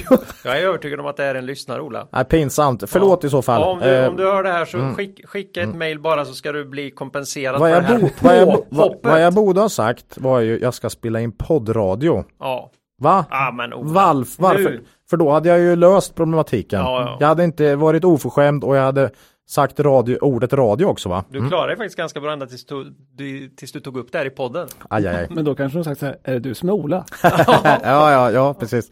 Ja. Ja, en Nej, jag, liten... tror, jag tror att var har du Klas? Men det är en helt annan. Jag vet inte om jag har berättat det, men jag satt ju på en, eh, en, eh, en basketmatch i högsta ligan i Sverige här för något år sedan eller två.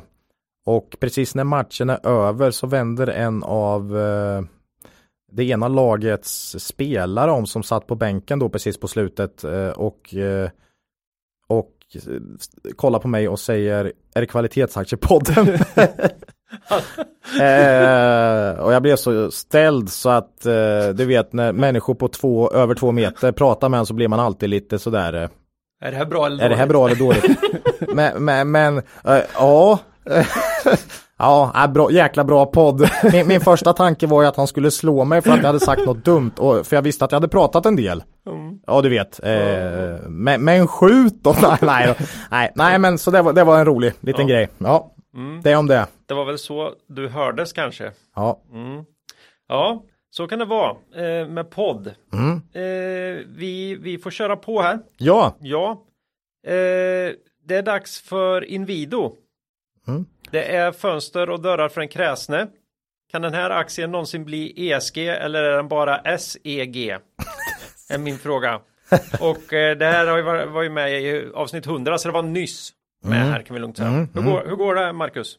Ja, nej, men de var ju som sagt med efter Q2, men det här är ett intressant bolag så vi tar med dem efter Q3 också. Mm. Eh, och det är ju lite grann eh, på grund av att eh, de hade en intressant kommentar också i Q2. De sa att kortsiktigt utmanas bolaget av rådande kostnadsökningar på insatsvaror, vilket kommer att påverka marginalerna. Vi tog ju fasta på det här kommer jag ihåg. Ja, Du kommer ihåg det? Vi satt och pratade om just den. Det kommer. det var inte, det kan Nej. påverka. Det Och vad hände?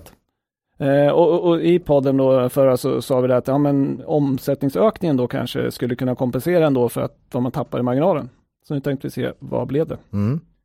Eh, omsättningen ökade, eh, precis eh, som vi trodde, 11% 10% organiskt. Orderingången steg med 22 Grymt. Vä- väldigt starkt. Eh, man sa att man eh, omsättningen steg på grund av eh, stärkta marknadspositioner och god efterfrågan. Orderstocken ökar 75% från föregående år.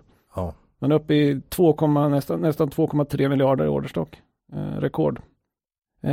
Men rörelseresultatet ökade med 14,2 procent.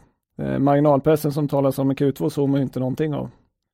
Eh, Ebitda-marginalen ökar istället till 14,5 procent. Det är högre än eh, både förra året och i Q2. Eh, vi är väldigt överraskade får man säga. Man sa att man har under kvartalet ökat kapacitetsutnyttjandet, haft en positiv prismix och eh, mött stigande råvarupriser med proaktiva prisjusteringar. Den är så bra. Pro, vi, har, vi har höjt priset lite på chans. Mm. Här snackar vi pricing power. Nej, det är bra. Det är bra. Mm. Nej, det är, vi är överraskade, men eh, på konfkollet då så fick vd en fråga just om eh, varför blev det så här när ni flaggade för, för kostnadsökningar och försämrade marginaler. Eh, och då, sa, då var han väldigt positiv eh, och sa att nej men vi har så pass eh, vår storlek på inköp inom gruppen och kontroll över, eh, eh, över de här frågorna gör att vi kan ha en timing och en utveckling av eh, priserna som, som, som är positiv. Eh, vi har ett informationsövertag som gör att vi kan styra prisökningar bättre än konkurrenterna. Okej. Ganska Oj. sticker Mm. ut hakan lite grann. Kul. Eh, framåt räknar med inflationstryck inom vissa områden och de kommer behålla prisökningarna som genomförs och även vid behov genomföra nya. Det där är ju alltid intressant. Mm. Om man höjer för tillfälliga effekter, Mm. många bolag, men sen inte det är inte lika ofta man ser de där sänkningarna eller hör om dem. Men Det är som bensinpriser. Ja. ja, De har en tendens att gå upp men inte gå ner snabbt. Han Ja. fick faktiskt den frågan också. Mm, okej. eh, hur, hur gör ni då om, om det faller tillbaka igen? Och då sa han väl i stort sett att vi kommer behålla till viss del men förr eller senare måste vi ge tillbaka till marknaden. Då. ja, ja.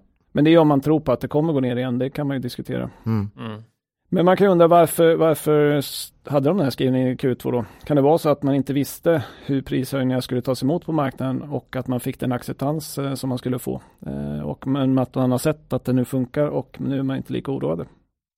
Mm. Eh, förmodligen så. Ja, Eh, bolaget hade själva en ganska håsig sammanfattning av Q3. Eh, jag läser den och läser upp den då. Man har starkare försäljning och orderingång, förbättrade marginaler, förbättrad marknadsposition på kärnmarknaderna, ökad ma aktivitet och ökade investeringar i framtida tillväxt. det De, är bra. inte jättenegativa. Nej, Nej. trevligt att vara vd. Ja. Eh, sen eh, förvärv är en viktig del i caset här också, som vi sa förra gången. Eh, man har ju pratat jättelänge om att man ska göra förvärv. Eh, sen har man tidigare sagt att man på grund av covid inte har kunnat varit ute och rest och därför haft svårt att göra DD. Eh, så att man inte kunnat gjort förvärv som man har tänkt sig. Då. Eh, I april gjorde man ett mindre förvärv av MB Center i Finland, omsättning på 100 miljoner som kommer in då i böckerna. Eh, men man väntar ju på något större. Eh, Och nu har man ju haft covid-restriktionerna här på, på väldigt många ställen. Mm. Så att det borde kunna komma ett förvärv. Ehm, Man säger också att med en rekordstor balansräkning, här har man då gått ner till 0,7 på nettoskuld till ebitda. Det här var ju väldigt mycket högre för, för några år sedan. Mm. Ja, Ja, det är ju en trend rakt igenom på de här coronavinnarna. Att jäklar vad de har ställat upp i balansräkningarna. Så Mm. det är brutalt i vissa fall.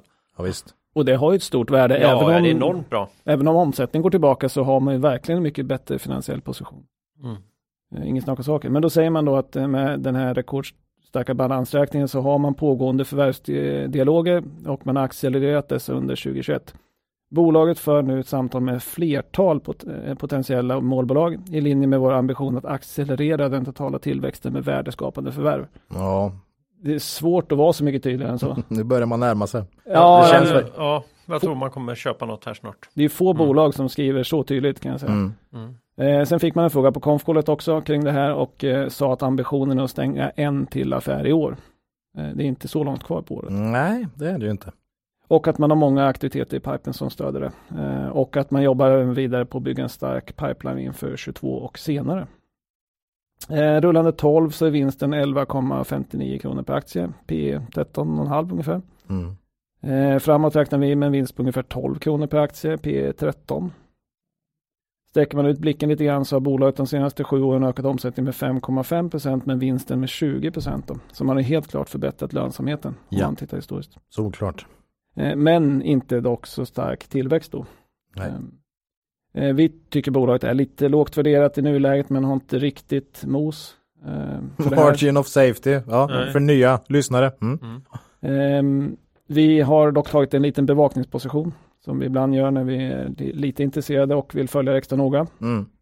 Ehm, vi skulle vilja se att man slår till med, med ett stort förvärv och så kan vi räkna på det och se ifall man får, får en ännu bättre eh, marginal där då när man Ja. har gjort det.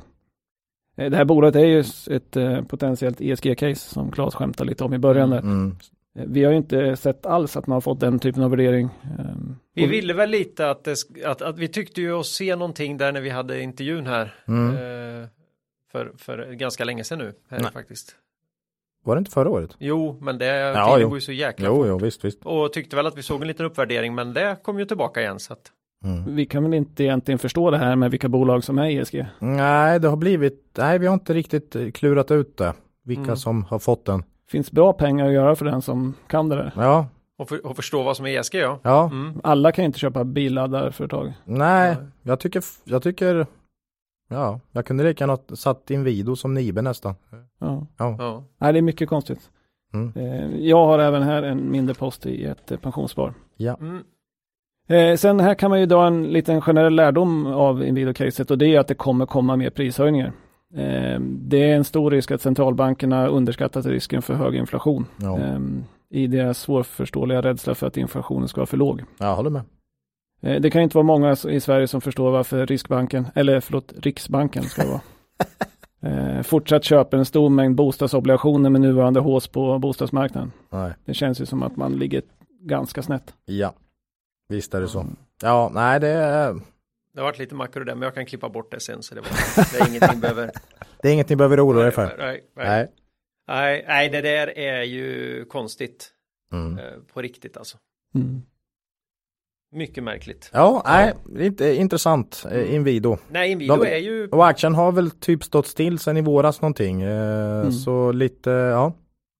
Ja, nej, men vi är väl mitt inne i rapportperioden också. Vi eh, sitter ju och hoppas på. Det finns andra bolag vi tittar på också som ska rapportera här. Ja, och lite det här, ja visst kommer det ett förvärv. Då, som du sa då, kan det ju bli väldigt, se bra ut.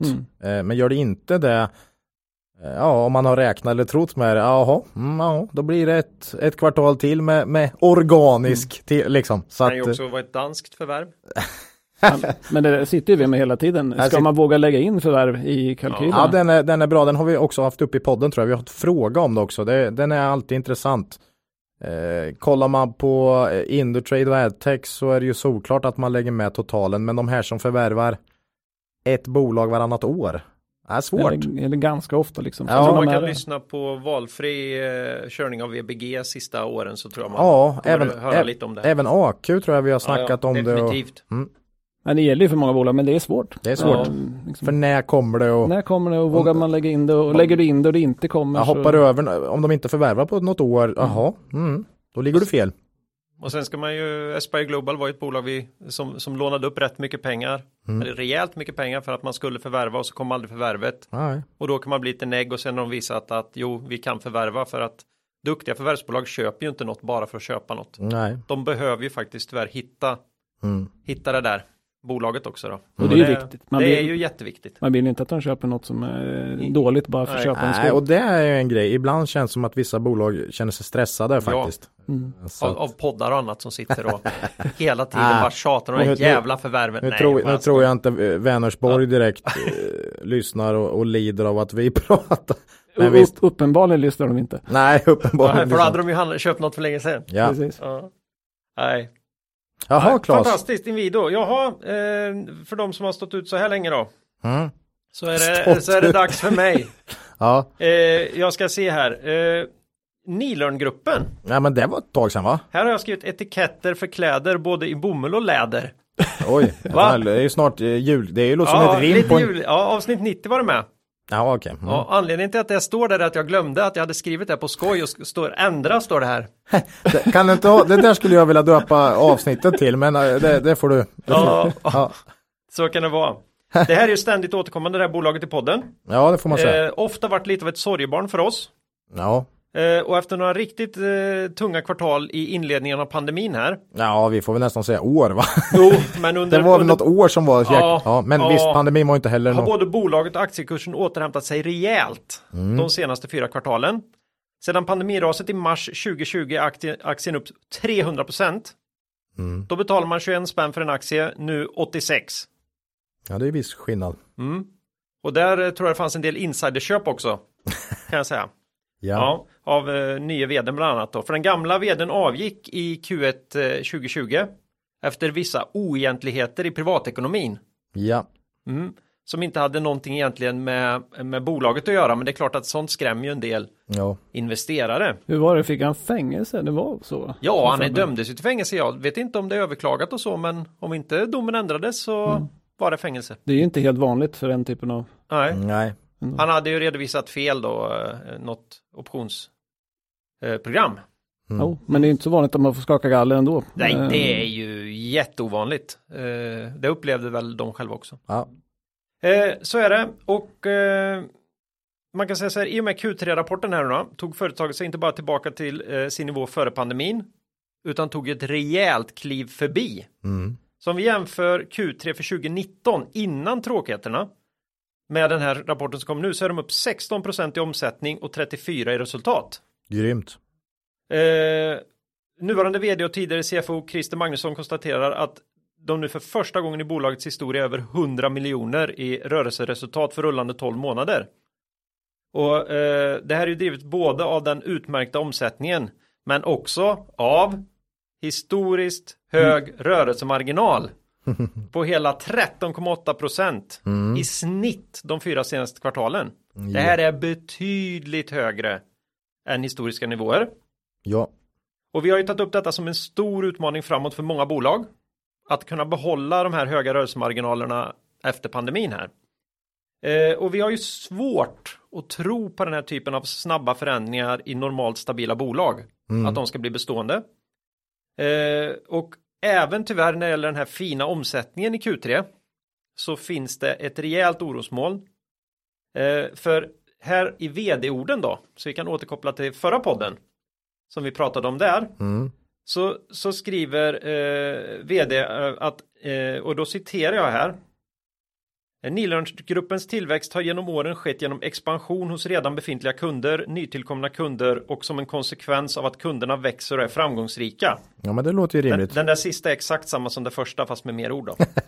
Nilörngruppen har stor erfarenhet av att hjälpa kunder med dess tillväxt eh, genom vårt kunnande inom centrala områden såsom design, logistik, service och hållbarhet.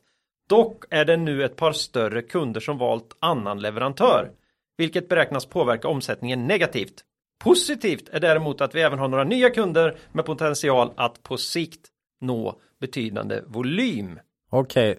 Om- Vad? Så min, min, min, min tolkning här då, att man tappar några stora kunder och fått till några små som kan bli stora på sikt. Mm. Det vill säga netto blir det tapp här. Eller någon sa till honom, jag tror inte den där sista fanns med från början. Så var det någon som sa, nej du måste ju kasta in någon bomull här. Det, det är minus 10 annars, du Ja, måste säga någonting. Du måste säga någonting. Eh, ja.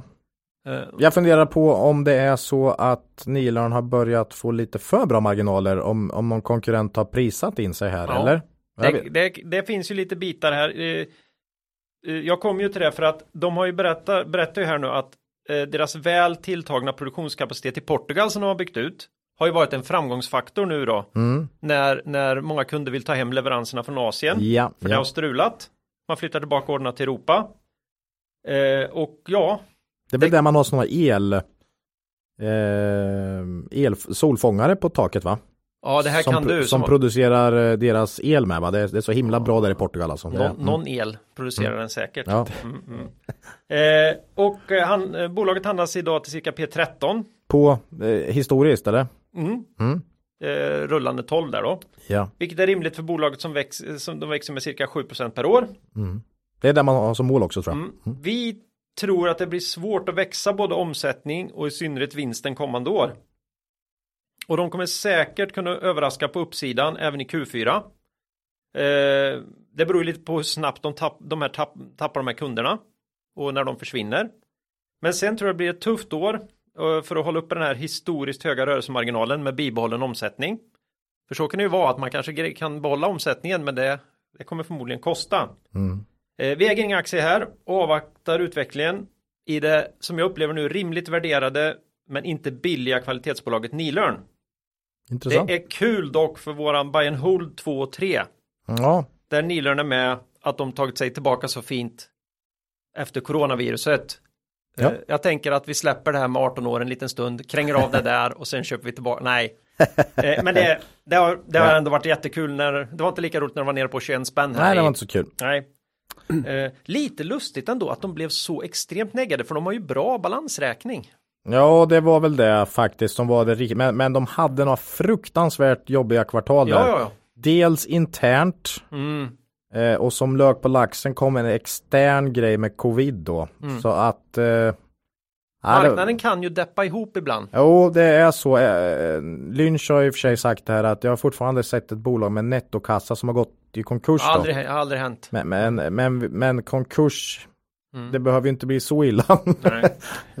Men jag måste säga, jag är väldigt förvånad över kursutvecklingen på när rapporten rapport- kom ut nu. alltså, var det inte 10% upp? 10% upp när man varnar för att några av de största kunderna lämnar. Ja, lite. Det är lite som om Kindred skulle gått upp på, på sin fina Q3-resultat. Ja, jag, jag fattar, jag tycker det är jättekonstigt för jag menar det måste man ju s- som vi pratade om i vd-orden, vd, han skriver ju det där för att han känner att han måste upplysa om att det kommer. Jo, det är ju en stor grej. Och marknaden brukar vara extremt framtidsfokuserad. Ja, Och lämna några av de största kunderna, det är inte bara att de lämnar och omsättning försvinner, det är också varför de lämnar. ja men det är mycket, mycket det.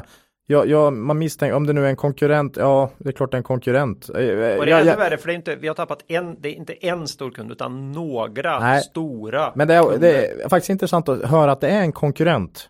För jag vet eh, vissa som tycker att Nilörns verksamhet är meningslös. Mm. Det, det vill säga, det här måste bolagen, eh, klädbolagen själva Mm. fixa. Det är liksom etiketter till sina, Mm. men det är roligt att de inte har då eh, Tagit det själva, tagit det, utan- utan... de har gått till en konkurrent då ändå. Men, men samtidigt då är ju konkurrenten billigare. Nilörn har ju sagt att vi tillför mer, vi har, vi jobbar nära våra kunder och driver omsättning åt dem och därför kan de ha men nu kanske det blev för stor skillnad. Det, Jag, där får man ju följa väldigt noga, men jag är väldigt förvånad över reaktionen på ja, det är på konstigt rapporten. att aktien gick upp så pass mycket. Resultatet var ju kanon. Absolut. Men, men, men eh, snacket om framtiden var ju inte superkul. Marknaden brukar ju se mer till snacket om Ja, det framtiden än rapport. Nej, konstigt resultatet. faktiskt att aktien gick upp så pass. Ja, Det blir väldigt spännande att se nästa rapport. Ja, ja. Nej, Eh, kul. Nilörn. Det väntar vi på med spänning. Ja, Ja, eh, vet ni Vi- vad grabbar? nej. I den här podden är vi återstolta att vara sponsrade av Affärsvärlden. Oj, denna anrika affärstidning. Ja, Affärsvärlden är Sveriges ledande affärsmagasin. Kommer ut varje vecka med ett nytt tankeväckande och inspirerande nummer. Hur många oberoende analyser gör de per år, Ola, ungefär? Det där tror jag du hade uppe. Vi tog upp det Var det inte vår- 500? 400? 500? 500. Det är ofattbart hur du kan komma ihåg sånt där. Nej, det är mycket. Eh, vi vet ju att det är många. Det här är varje år. Mm. Eh, och de har ju varit med sedan 1901. Ja. Så har de ju tagit, de har ju tagit ett stort steg in i den digitala tidsåldern. De har ju en, ett utmärkt digitalt magasin och en digital plattform. Och då är ju frågan, har de med sig det här fina, fina erbjudandet till våra lyssnare? Ja, har de det? Jo, det har Ja. de va? Mm. Ja. Ja. Och i avsnittsbeskrivningen finns en länk till ett mycket förmånligt erbjudande på produkten Premium Digital i tre månader till halva ordinarie eh, priset här. Det är bara att testa. Ja, och vill man, Vi tycker det är en jättebra tidning. ja, och tycker man det är jobbigt att klicka på länken kan man gå direkt till Affärsvärldens prenumerationssida och ange eh, koden kvalitetsaktiepodden med små bokstäver och 2D. Då får man tillgång till erbjudandet Mm. den vägen. Ja. Och precis som förra varvet så tänkte vi att vi skulle titta på några av eh, Affärsvärldens aktuella analyser. Eller artiklar kan det bli också. Och idag föll eh, valet på Pricer. Som Affärsvärlden analyserar i nummer 42 av tidningen. Ja. Som kom ut för drygt en vecka sedan. Ja.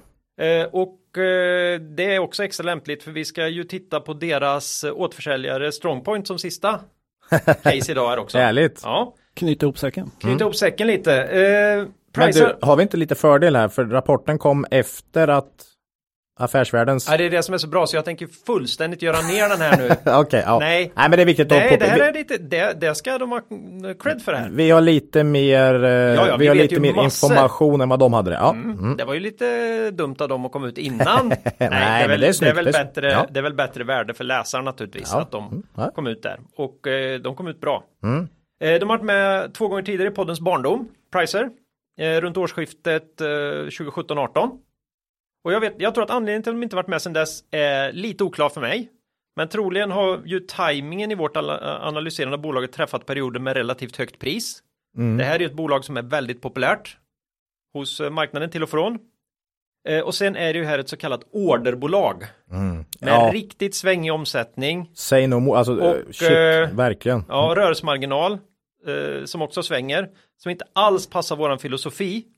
Där vi tycker om att spå framtiden till stor del utifrån historien. Va? Mm. Eh, ja, och hur ser det ut? Ja, omse- omsättningen går ju upp och ner, eh, men har ju en stigande trend över de senaste tio åren. Rörelsemarginalen går också upp och ner, eh, har varit mellan 9, ett, det är bara ett förlustår här då, men då var det minus 9% till plus 13. Mm. Under den här tiden ligger nu runt 8 Mm. Eh, så det, det är ju lite svajigt va? Mm. Det blir ju så med orderstyrda bolag. Att Ja, det går det var lite upp och ner. Tag som vi hade de här och så produkten bakom det här är ju så elektroniska hyllkantsetiketter. Och det ersätter helt enkelt pappersetiketter i affärer, Ja, i dagligvaruhandeln. Visa pris på varor. Och eh, de här kan ju uppdateras digitalt istället eh, för att man behöver trycka nya då. När det sker prisförändringar eller någon, någon förändring som behöver ske i, i, i, på den här etiketten. Och eh, då ska det ändras, men, ändras manuellt av personalen och sådär. Det här löses smidigt digitalt då. Och i Affärsvärldens artikel här då så trycker analytikern Björn, Ryd- eh, Björn Rydell eh, på utvecklingen som skett av de här digitala etiketterna Idag är de så mycket mer. De är framförallt då eh, faktiskt Prices etiketter, för det finns en del konkurrenter här. Men det här är ju positioneringsvisare idag för personalen i butiken. Mm. Eh, man kan också använda dem för att highlighta olika typer av eh, rea, erbjudanden och sådär va. Men eh, om de då har med sig en liten, ja, vad, vad ska vi säga, som en liten eh, sma- smart grej ut då, så kan, så kan de få det att blinka dit de ska fylla på varor, till exempel. Eller ännu viktigare, det här kan ju kopplas ihop med sådana här system de har idag för att plocka varor åt kund. Så Ah. kallad e-handel. Oj, Vad var oj. det vi hette? Pick and collect va? Ja, ja. Mm. Click and pick and. Ja, Ja, ja. det finns hur mycket som helst. Pick Och- and collect. Ja, för dem är det ju pick and collect. Pick and collect. Ja, och de eh, klickade först och sen så pickade de här och sen collectas det då va? Ja, ja. Eh, det här är ju en del av en modern e-handelslösning som många dagligvaruhandlare vill erbju- erbjuda. Eh, och eh, ja, jag, jag fick ju, hade inte riktigt koll på det här men eh, via Affärsvärldens analys här fick jag span på att det finns nu flera nya och kanske några som redan blir lite mognare konkurrenter till Pricer. Eh, men de använder radioteknik. För det tänker man ju logiskt va, som en, man kör på wifi här. Mm. Det gör inte Pricer, de kör på IR. Ljus alltså. Oj. Mm. Och det är superbra. Det har massor med uppenbara fördelar med bety betydligt lägre energiförbrukning och att man slipper det stora problemet med störningar. För det finns ganska begränsade radioband man får använda. Ja. Och idag börjar det bli ganska trångt ute i både i samhället och i butikerna, inte minst i, i USA som är naturligtvis ett viktigt land här då. Eh, så att eh, ja, styrkan i den här produkten visar sig inte minst i, i den jätteorder till affärskedjan Best Buy som bolaget eh, levererat ut det senaste året. Det har gett ett rejält uppsving i omsättningen för bolaget som nästan fördubblats eh, till, ja, det har varit legat strax under eller på en miljard historiskt. Och nu helt plötsligt är man på rullande 12 uppe i, i nästan 2 miljarder. Mm. Det är bra. Och, och det här är vid en helt okej rörelsemarginal dessutom på, på 10,5 procent. Mm. Eh, och eh, det finns betydligt fler affärer att hämta där ute, både för Price och deras konkurrenter. Affärsvärlden gissar att bara några procent av marknaden för hyllkantsetiketter idag utgörs av elektroniska sådana. Mm. Eh, det är ju det här TAM som är våran Total Addressable Market, är aningen aningen större än, än den som är penetrerad idag då. Mm. Eh, så att, ja, eh, sen är det ju jättebra det här då, vi pratar ju om det här med orderbolag, det är superbra att Pricer får ut mer, ju fler sådana här elektroniska hyllkantsetiketter de får ut, så ökar ju liksom underhålls och kompletteringsbehovet hos kunderna, vilket ger återkommande intäkter. Och det kommer förhoppningsvis på sikt minska ryckigheten i intjäningen och förbättra eh, marginalen. VD Helena Holmgren tycker att, även att deras nya SAS eh, baserade molnlösning här, Pricer Plaza, okay. eh, verkar mottas väl av kunderna. Och det, här ger ju återkommande intäkter. Och det här är någonting man också försöker få med då ut i, i nya leveranser när man tar större, tar in större ordrar. Det är det alla vill ha. Det hoppas vi. Eh, för det är ju riktigt bra i sådana fall då. Mm. Mm.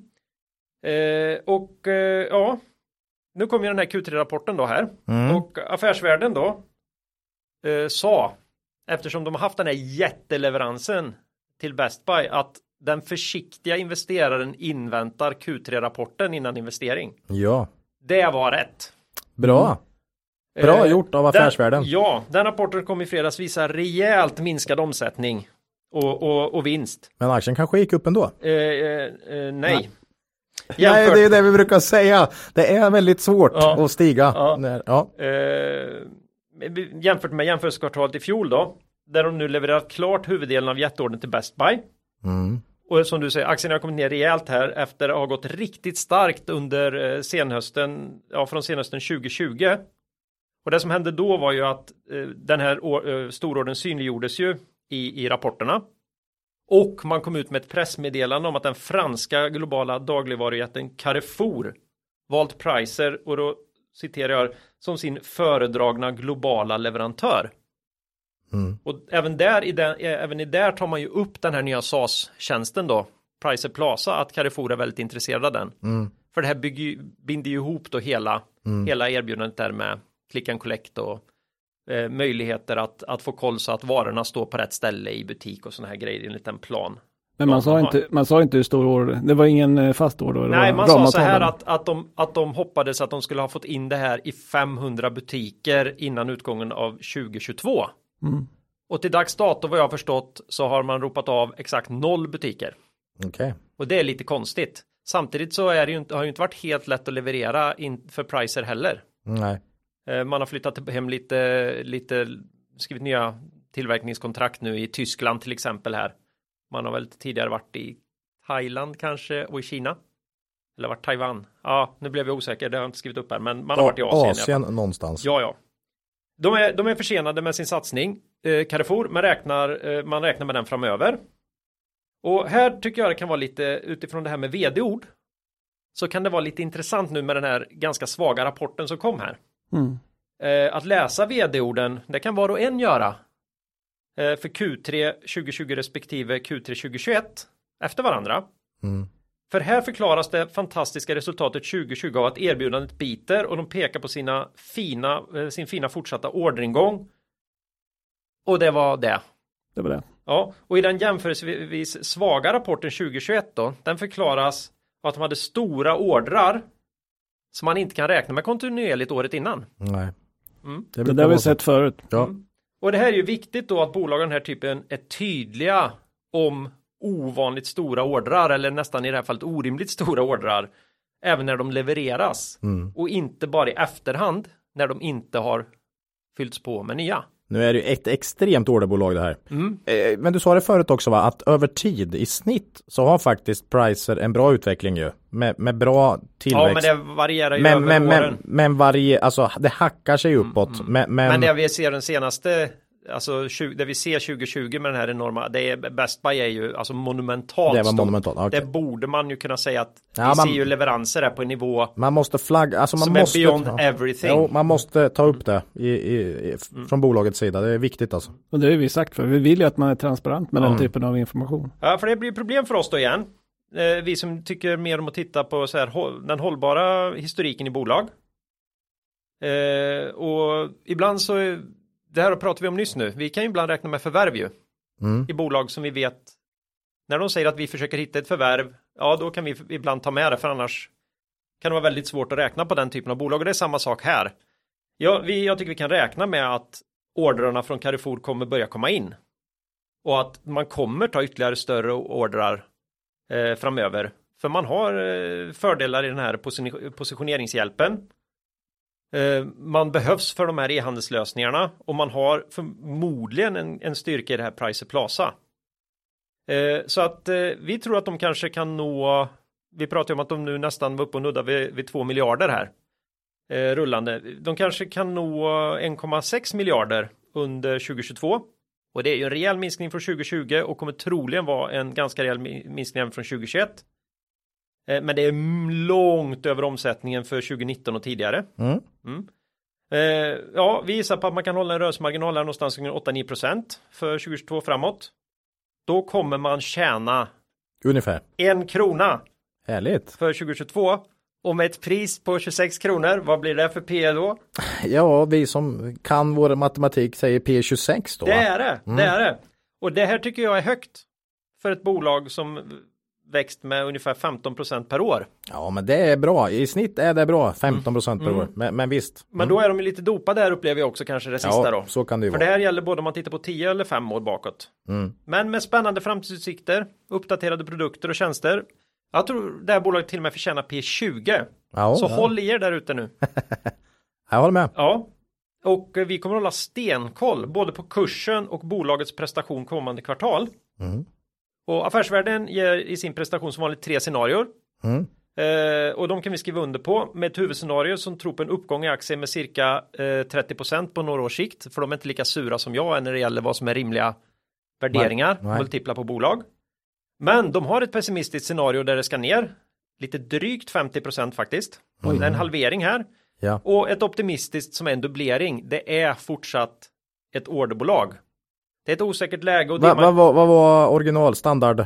Norm, normal eh, scenariot? Ja, 30, upp 30 procent. Oj, okej. Okay. Mm, från dagens, från, från dagens ja, 26. Ja, ja. Men jag gissar att eh, på några års sikt. Det optimistiska scenariot kräver då att man får ordentlig fart på Carrefour. Ja, mm. och, och att det här, nu, nu börjar den här marknaden verkligen rulla ut. Mm. När, när jag ser den där typen av, av spretighet mellan olika scenarier då blir man alltid lite orolig för aktien. För det blir ju lite, det känns som att svårt att veta vart det landar där. Då. Mm. Man kan ju sitta, sitter du med det svaga scenariot eh, så blir det ju inte alls bra.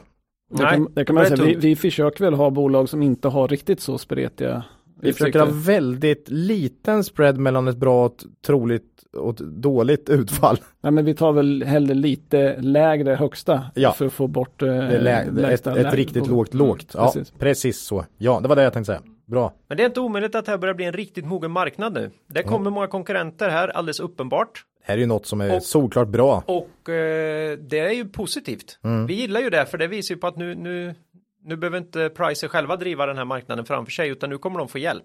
Mm. Och nu kommer de kunna bli utvärderade mot sina förhoppningsvis eh, sämre branschkollegor. Mm. Kanske blir så att vi äger Pricer under 2022, vem vet? Det är jätteintressant. Mm. Vi kommer hålla koll på det kan jag säga. ja. eh, sen är det ju en risk då, för då kommer ni säga, men ni pratade aldrig om dem igen. Nej, men de kan försvinna iväg upp till P50 när andra också ja. eventuellt ser det här och då, mm. då kanske vi inte orkar. Mm. Så kan det vara. Ja. Det, var det var vad jag hade om eh, Spänna, Spännande. Får vi höra om en, en, av deras kunder då eller? Samarbetspartners? Samarbetspartner ja. ja. Vi tackar Affärsvärlden i alla fall också. Stort tack! Eh, för att de eh, vill vara med i podden. Ja. Jag skulle vilja hålla fram också att de, det är bra att de kommer ut på, på söndagar med, eh, med tidningen. Ja. På nätet. Så att man kan läsa i lugn och ro innan det drar igång med en börsvecka. Mm. Håller med, håller med, absolut. Ja, det är en, en, en höjdpunkt. Ja, Affärsvärlden det är, är en tidning. Flashback Forever kommer ut på tisdagarna, det är bästa. Ja, men Affärsvärlden är en tidning som har funnits med mig sedan 25 år tillbaka ungefär. Uh, ja, alltid bra kvalitet. Ja, men det är ganska matigt så att det tar lite stund att ta sig igenom och då är det bra att det kommer på en helg. Ja, bra. Mm. Bra feedback där. Mm. Utmärkt. Och det är nu de kommer ut. Vi tänker nu byta. Nej. Till måndag morgon. Det är måndag okay. morgon för att få ja. med det allra senaste skvallret. Nej. Nej, det tror vi inte kommer hända. Eh, Strongpoint då? Ja. Avslutningsvis här. Ett norskt bolag. Ja. Det var ju länge sedan vi tittade till den här eh, norska Cashguard-leverantören i podden. Avsnitt 61. Mm. Det är ett tag sedan. De har ju varit uppe på lite molnfri höjd ett tag. Vart ju oväntat populära. Ja, jag träffade ju ledningen för ett par år sedan eh, och ja, jag insåg att det var ett bra att det var ett skift något på gång Mm. i bolaget, men jag kunde inte riktigt ana hur mycket de ändå har gjort i Strongpoint på relativt kort tid. Nej. Nej, Eh, vi var ju positiva till nya vdn Jakob Tverabak. ja, Det, det är ju helt orimligt att uttala något som börjar Tver A bak. ja, men nu är vi ju inte vi norrmän heller. Så. Vi har ingen aning om det är bra. Nej. Nej, det Det, Han kommer- heter så det kommer säkert någon påpeka. Ja, ja, ja. Eh, det är inte som min finska alltså. Ja. Eh, han, hade, han hade ju ny och energi och det har han fortfarande. Och han hade en plan eh, framåt med satsning på retail technology. De hade ju tre ben här. Mm. Och nu har bolaget tagit ett avgörande steg i denna plan med red, renodling mot detta ben. Man har avyttrat säkerhetsväskorna i Cash Security. Och precis nu då så gjorde man sig av med labels. De passar ju inte alls in de två i, i den här eh, eh, planen framåt. Det har gjort att man har fyllt på kassan.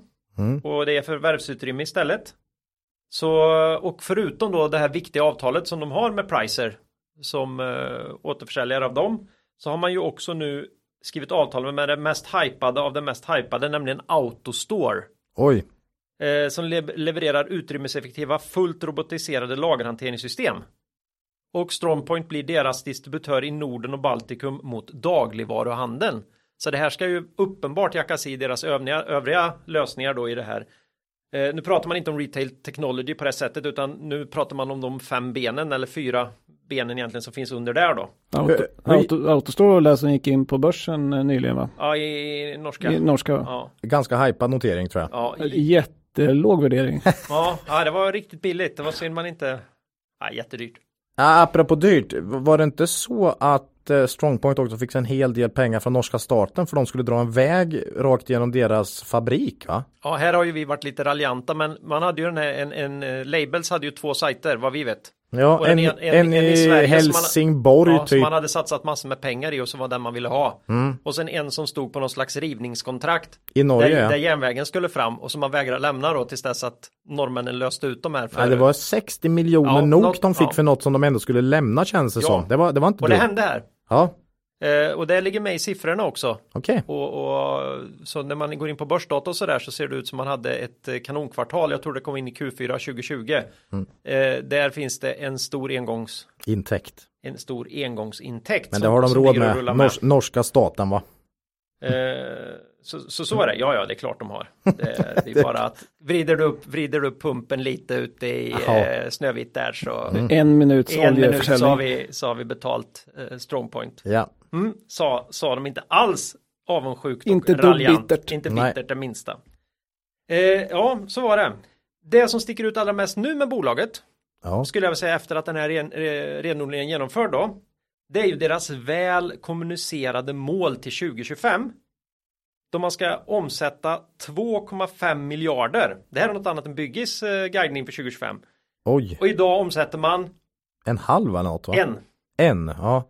Eh, ja det det är lite oklart hur mycket man får kvar här när, när det här kvarvarande benet ska ta all overhead och så också. Men vi gissar på en miljard. Vi, vi kallar det lite offensivt då. Ja, Ja. ja. men önskat ebitda-marginal på 13 till 15 procent Mm. mot dagens 6 till 9 procent. Oj. Och med mycket av de nyheter som man faktiskt har fått ut, det är ju att man utökar sitt återförsäljande av andras produkter. Mm. Och det är ju sällan det innebär vansinnigt höga marginaler. Mm. Så, så då måste vi ju ändå tänka oss att basen i den här expansionen ändå måste vara deras egna produkter. Och de här collected store-lösningarna bland annat och deras eh, skåp och cash guards och annat. Försöker du nu säga att du kanske inte helt tror på det här mm, målet? Nej, jag kan väl, eh, jag, jag tror, vad, du, du märker lite grann vart det här är på väg. hör Det jag, verkar så. Marcus. Ja. Eh, alltså bolagets situation i stort just nu är lite så genomtränglig efter försäljningen av både Cash Security Labels samt den här engångsintäkten i Labels då som vi pratade om innan i Q4 2020. Jag tycker man redovisar föredömligt där man eh, omedelbart rensar för de här avyttrade verksamheterna. Och eh, de läggs tillbaka som en egen variant av vinst per aktie i slutet istället. Eh, så att eh, ja, man måste tänka på den här engångsintäkten i labels när man tittar i, eh, i börsdata och inte riktigt känner igen det jag säger här då.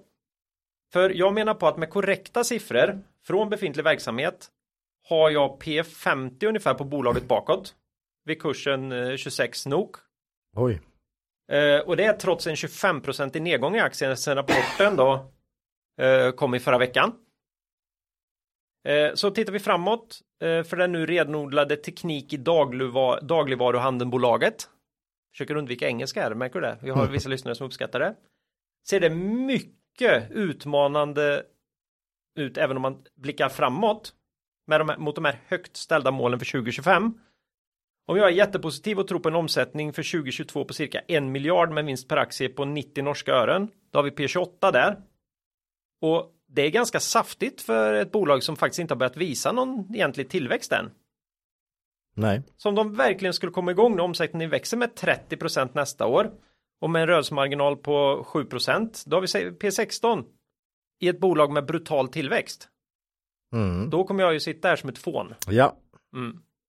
Och det är ju ungefär det som måste hända, så vi behöver ju få det här, vi kommer ju få det här facit ganska snart.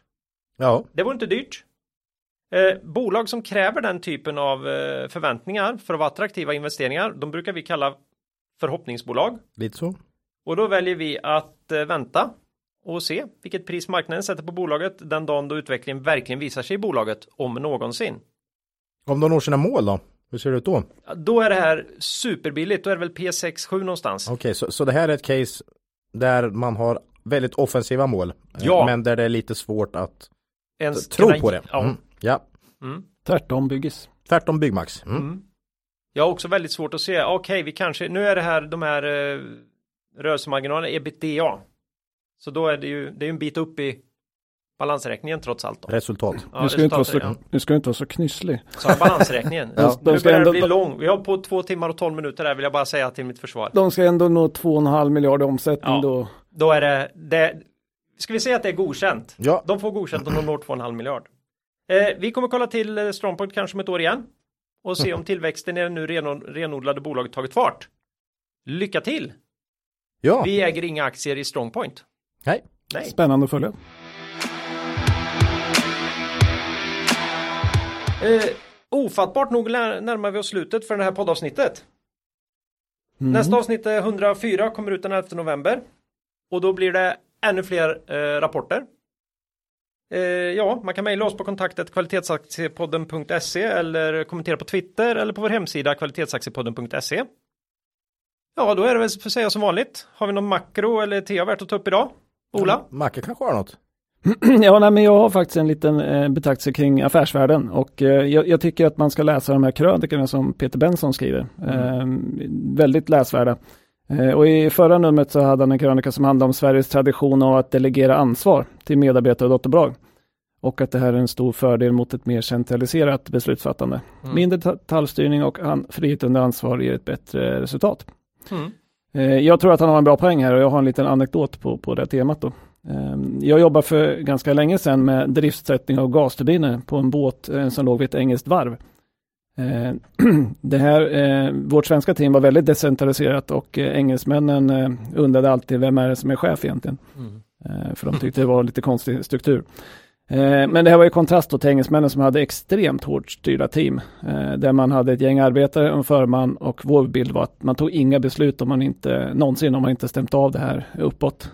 Och gärna i flera, flera led då. Eh, man hade också en märklig syn eh, på hur man behandlade arbetarna tyckte vi. Eh, man behandlade dem som barn som inte kunde ta egna beslut. En av mina första arbetsdagar så skulle jag hämta en sak på kontoret i land då, men blev stoppad av en av kollegorna som har varit längre på båten som sa men det går ju inte, klockan är ju en minut i halv fem. Det är ju fullt i trappan. Och då förstod inte jag vad han menade, men, men då stod alltså en massa arbetare i trappan. Längst ner stod en förman och hindrade folk från att gå av och sen ringde det ut. Eh, Och när klockan ringde så lyfte han armen och så fick de gå av båten. Eh, och en annan gång när vi skulle testa kylsystemet eh, så hörde vi ett skvalpande ljud när, eh, när, och vi såg att trycket gick inte upp som det skulle.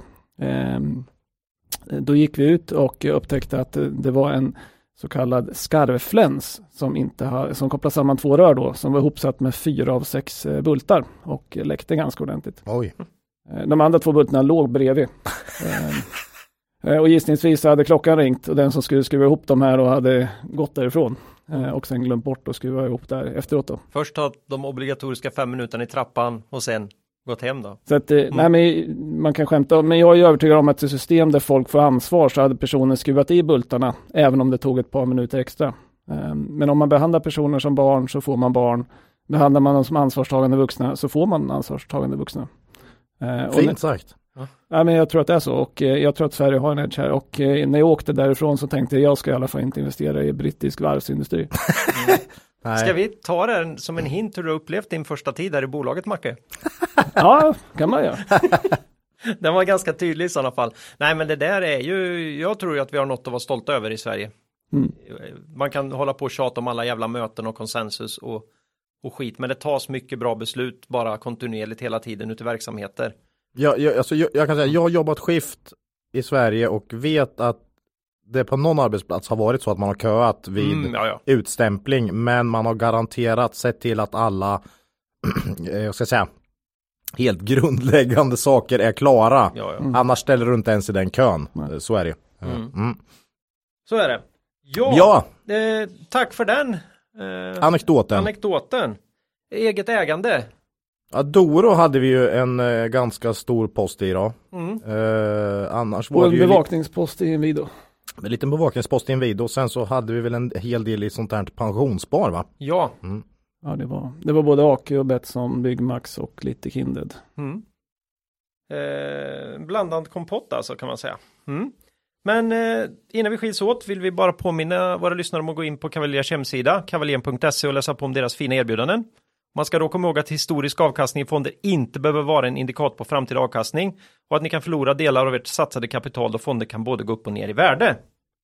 Ja, så då säger vi hej då för den här gången och ber er komma ihåg att det är först när tidvattnet trossar tillbaka så nu får se vem som badat naken. Lose money for the firm and I will be understanding. Lose a shred of reputation for the firm and I will be ruthless. I welcome your questions.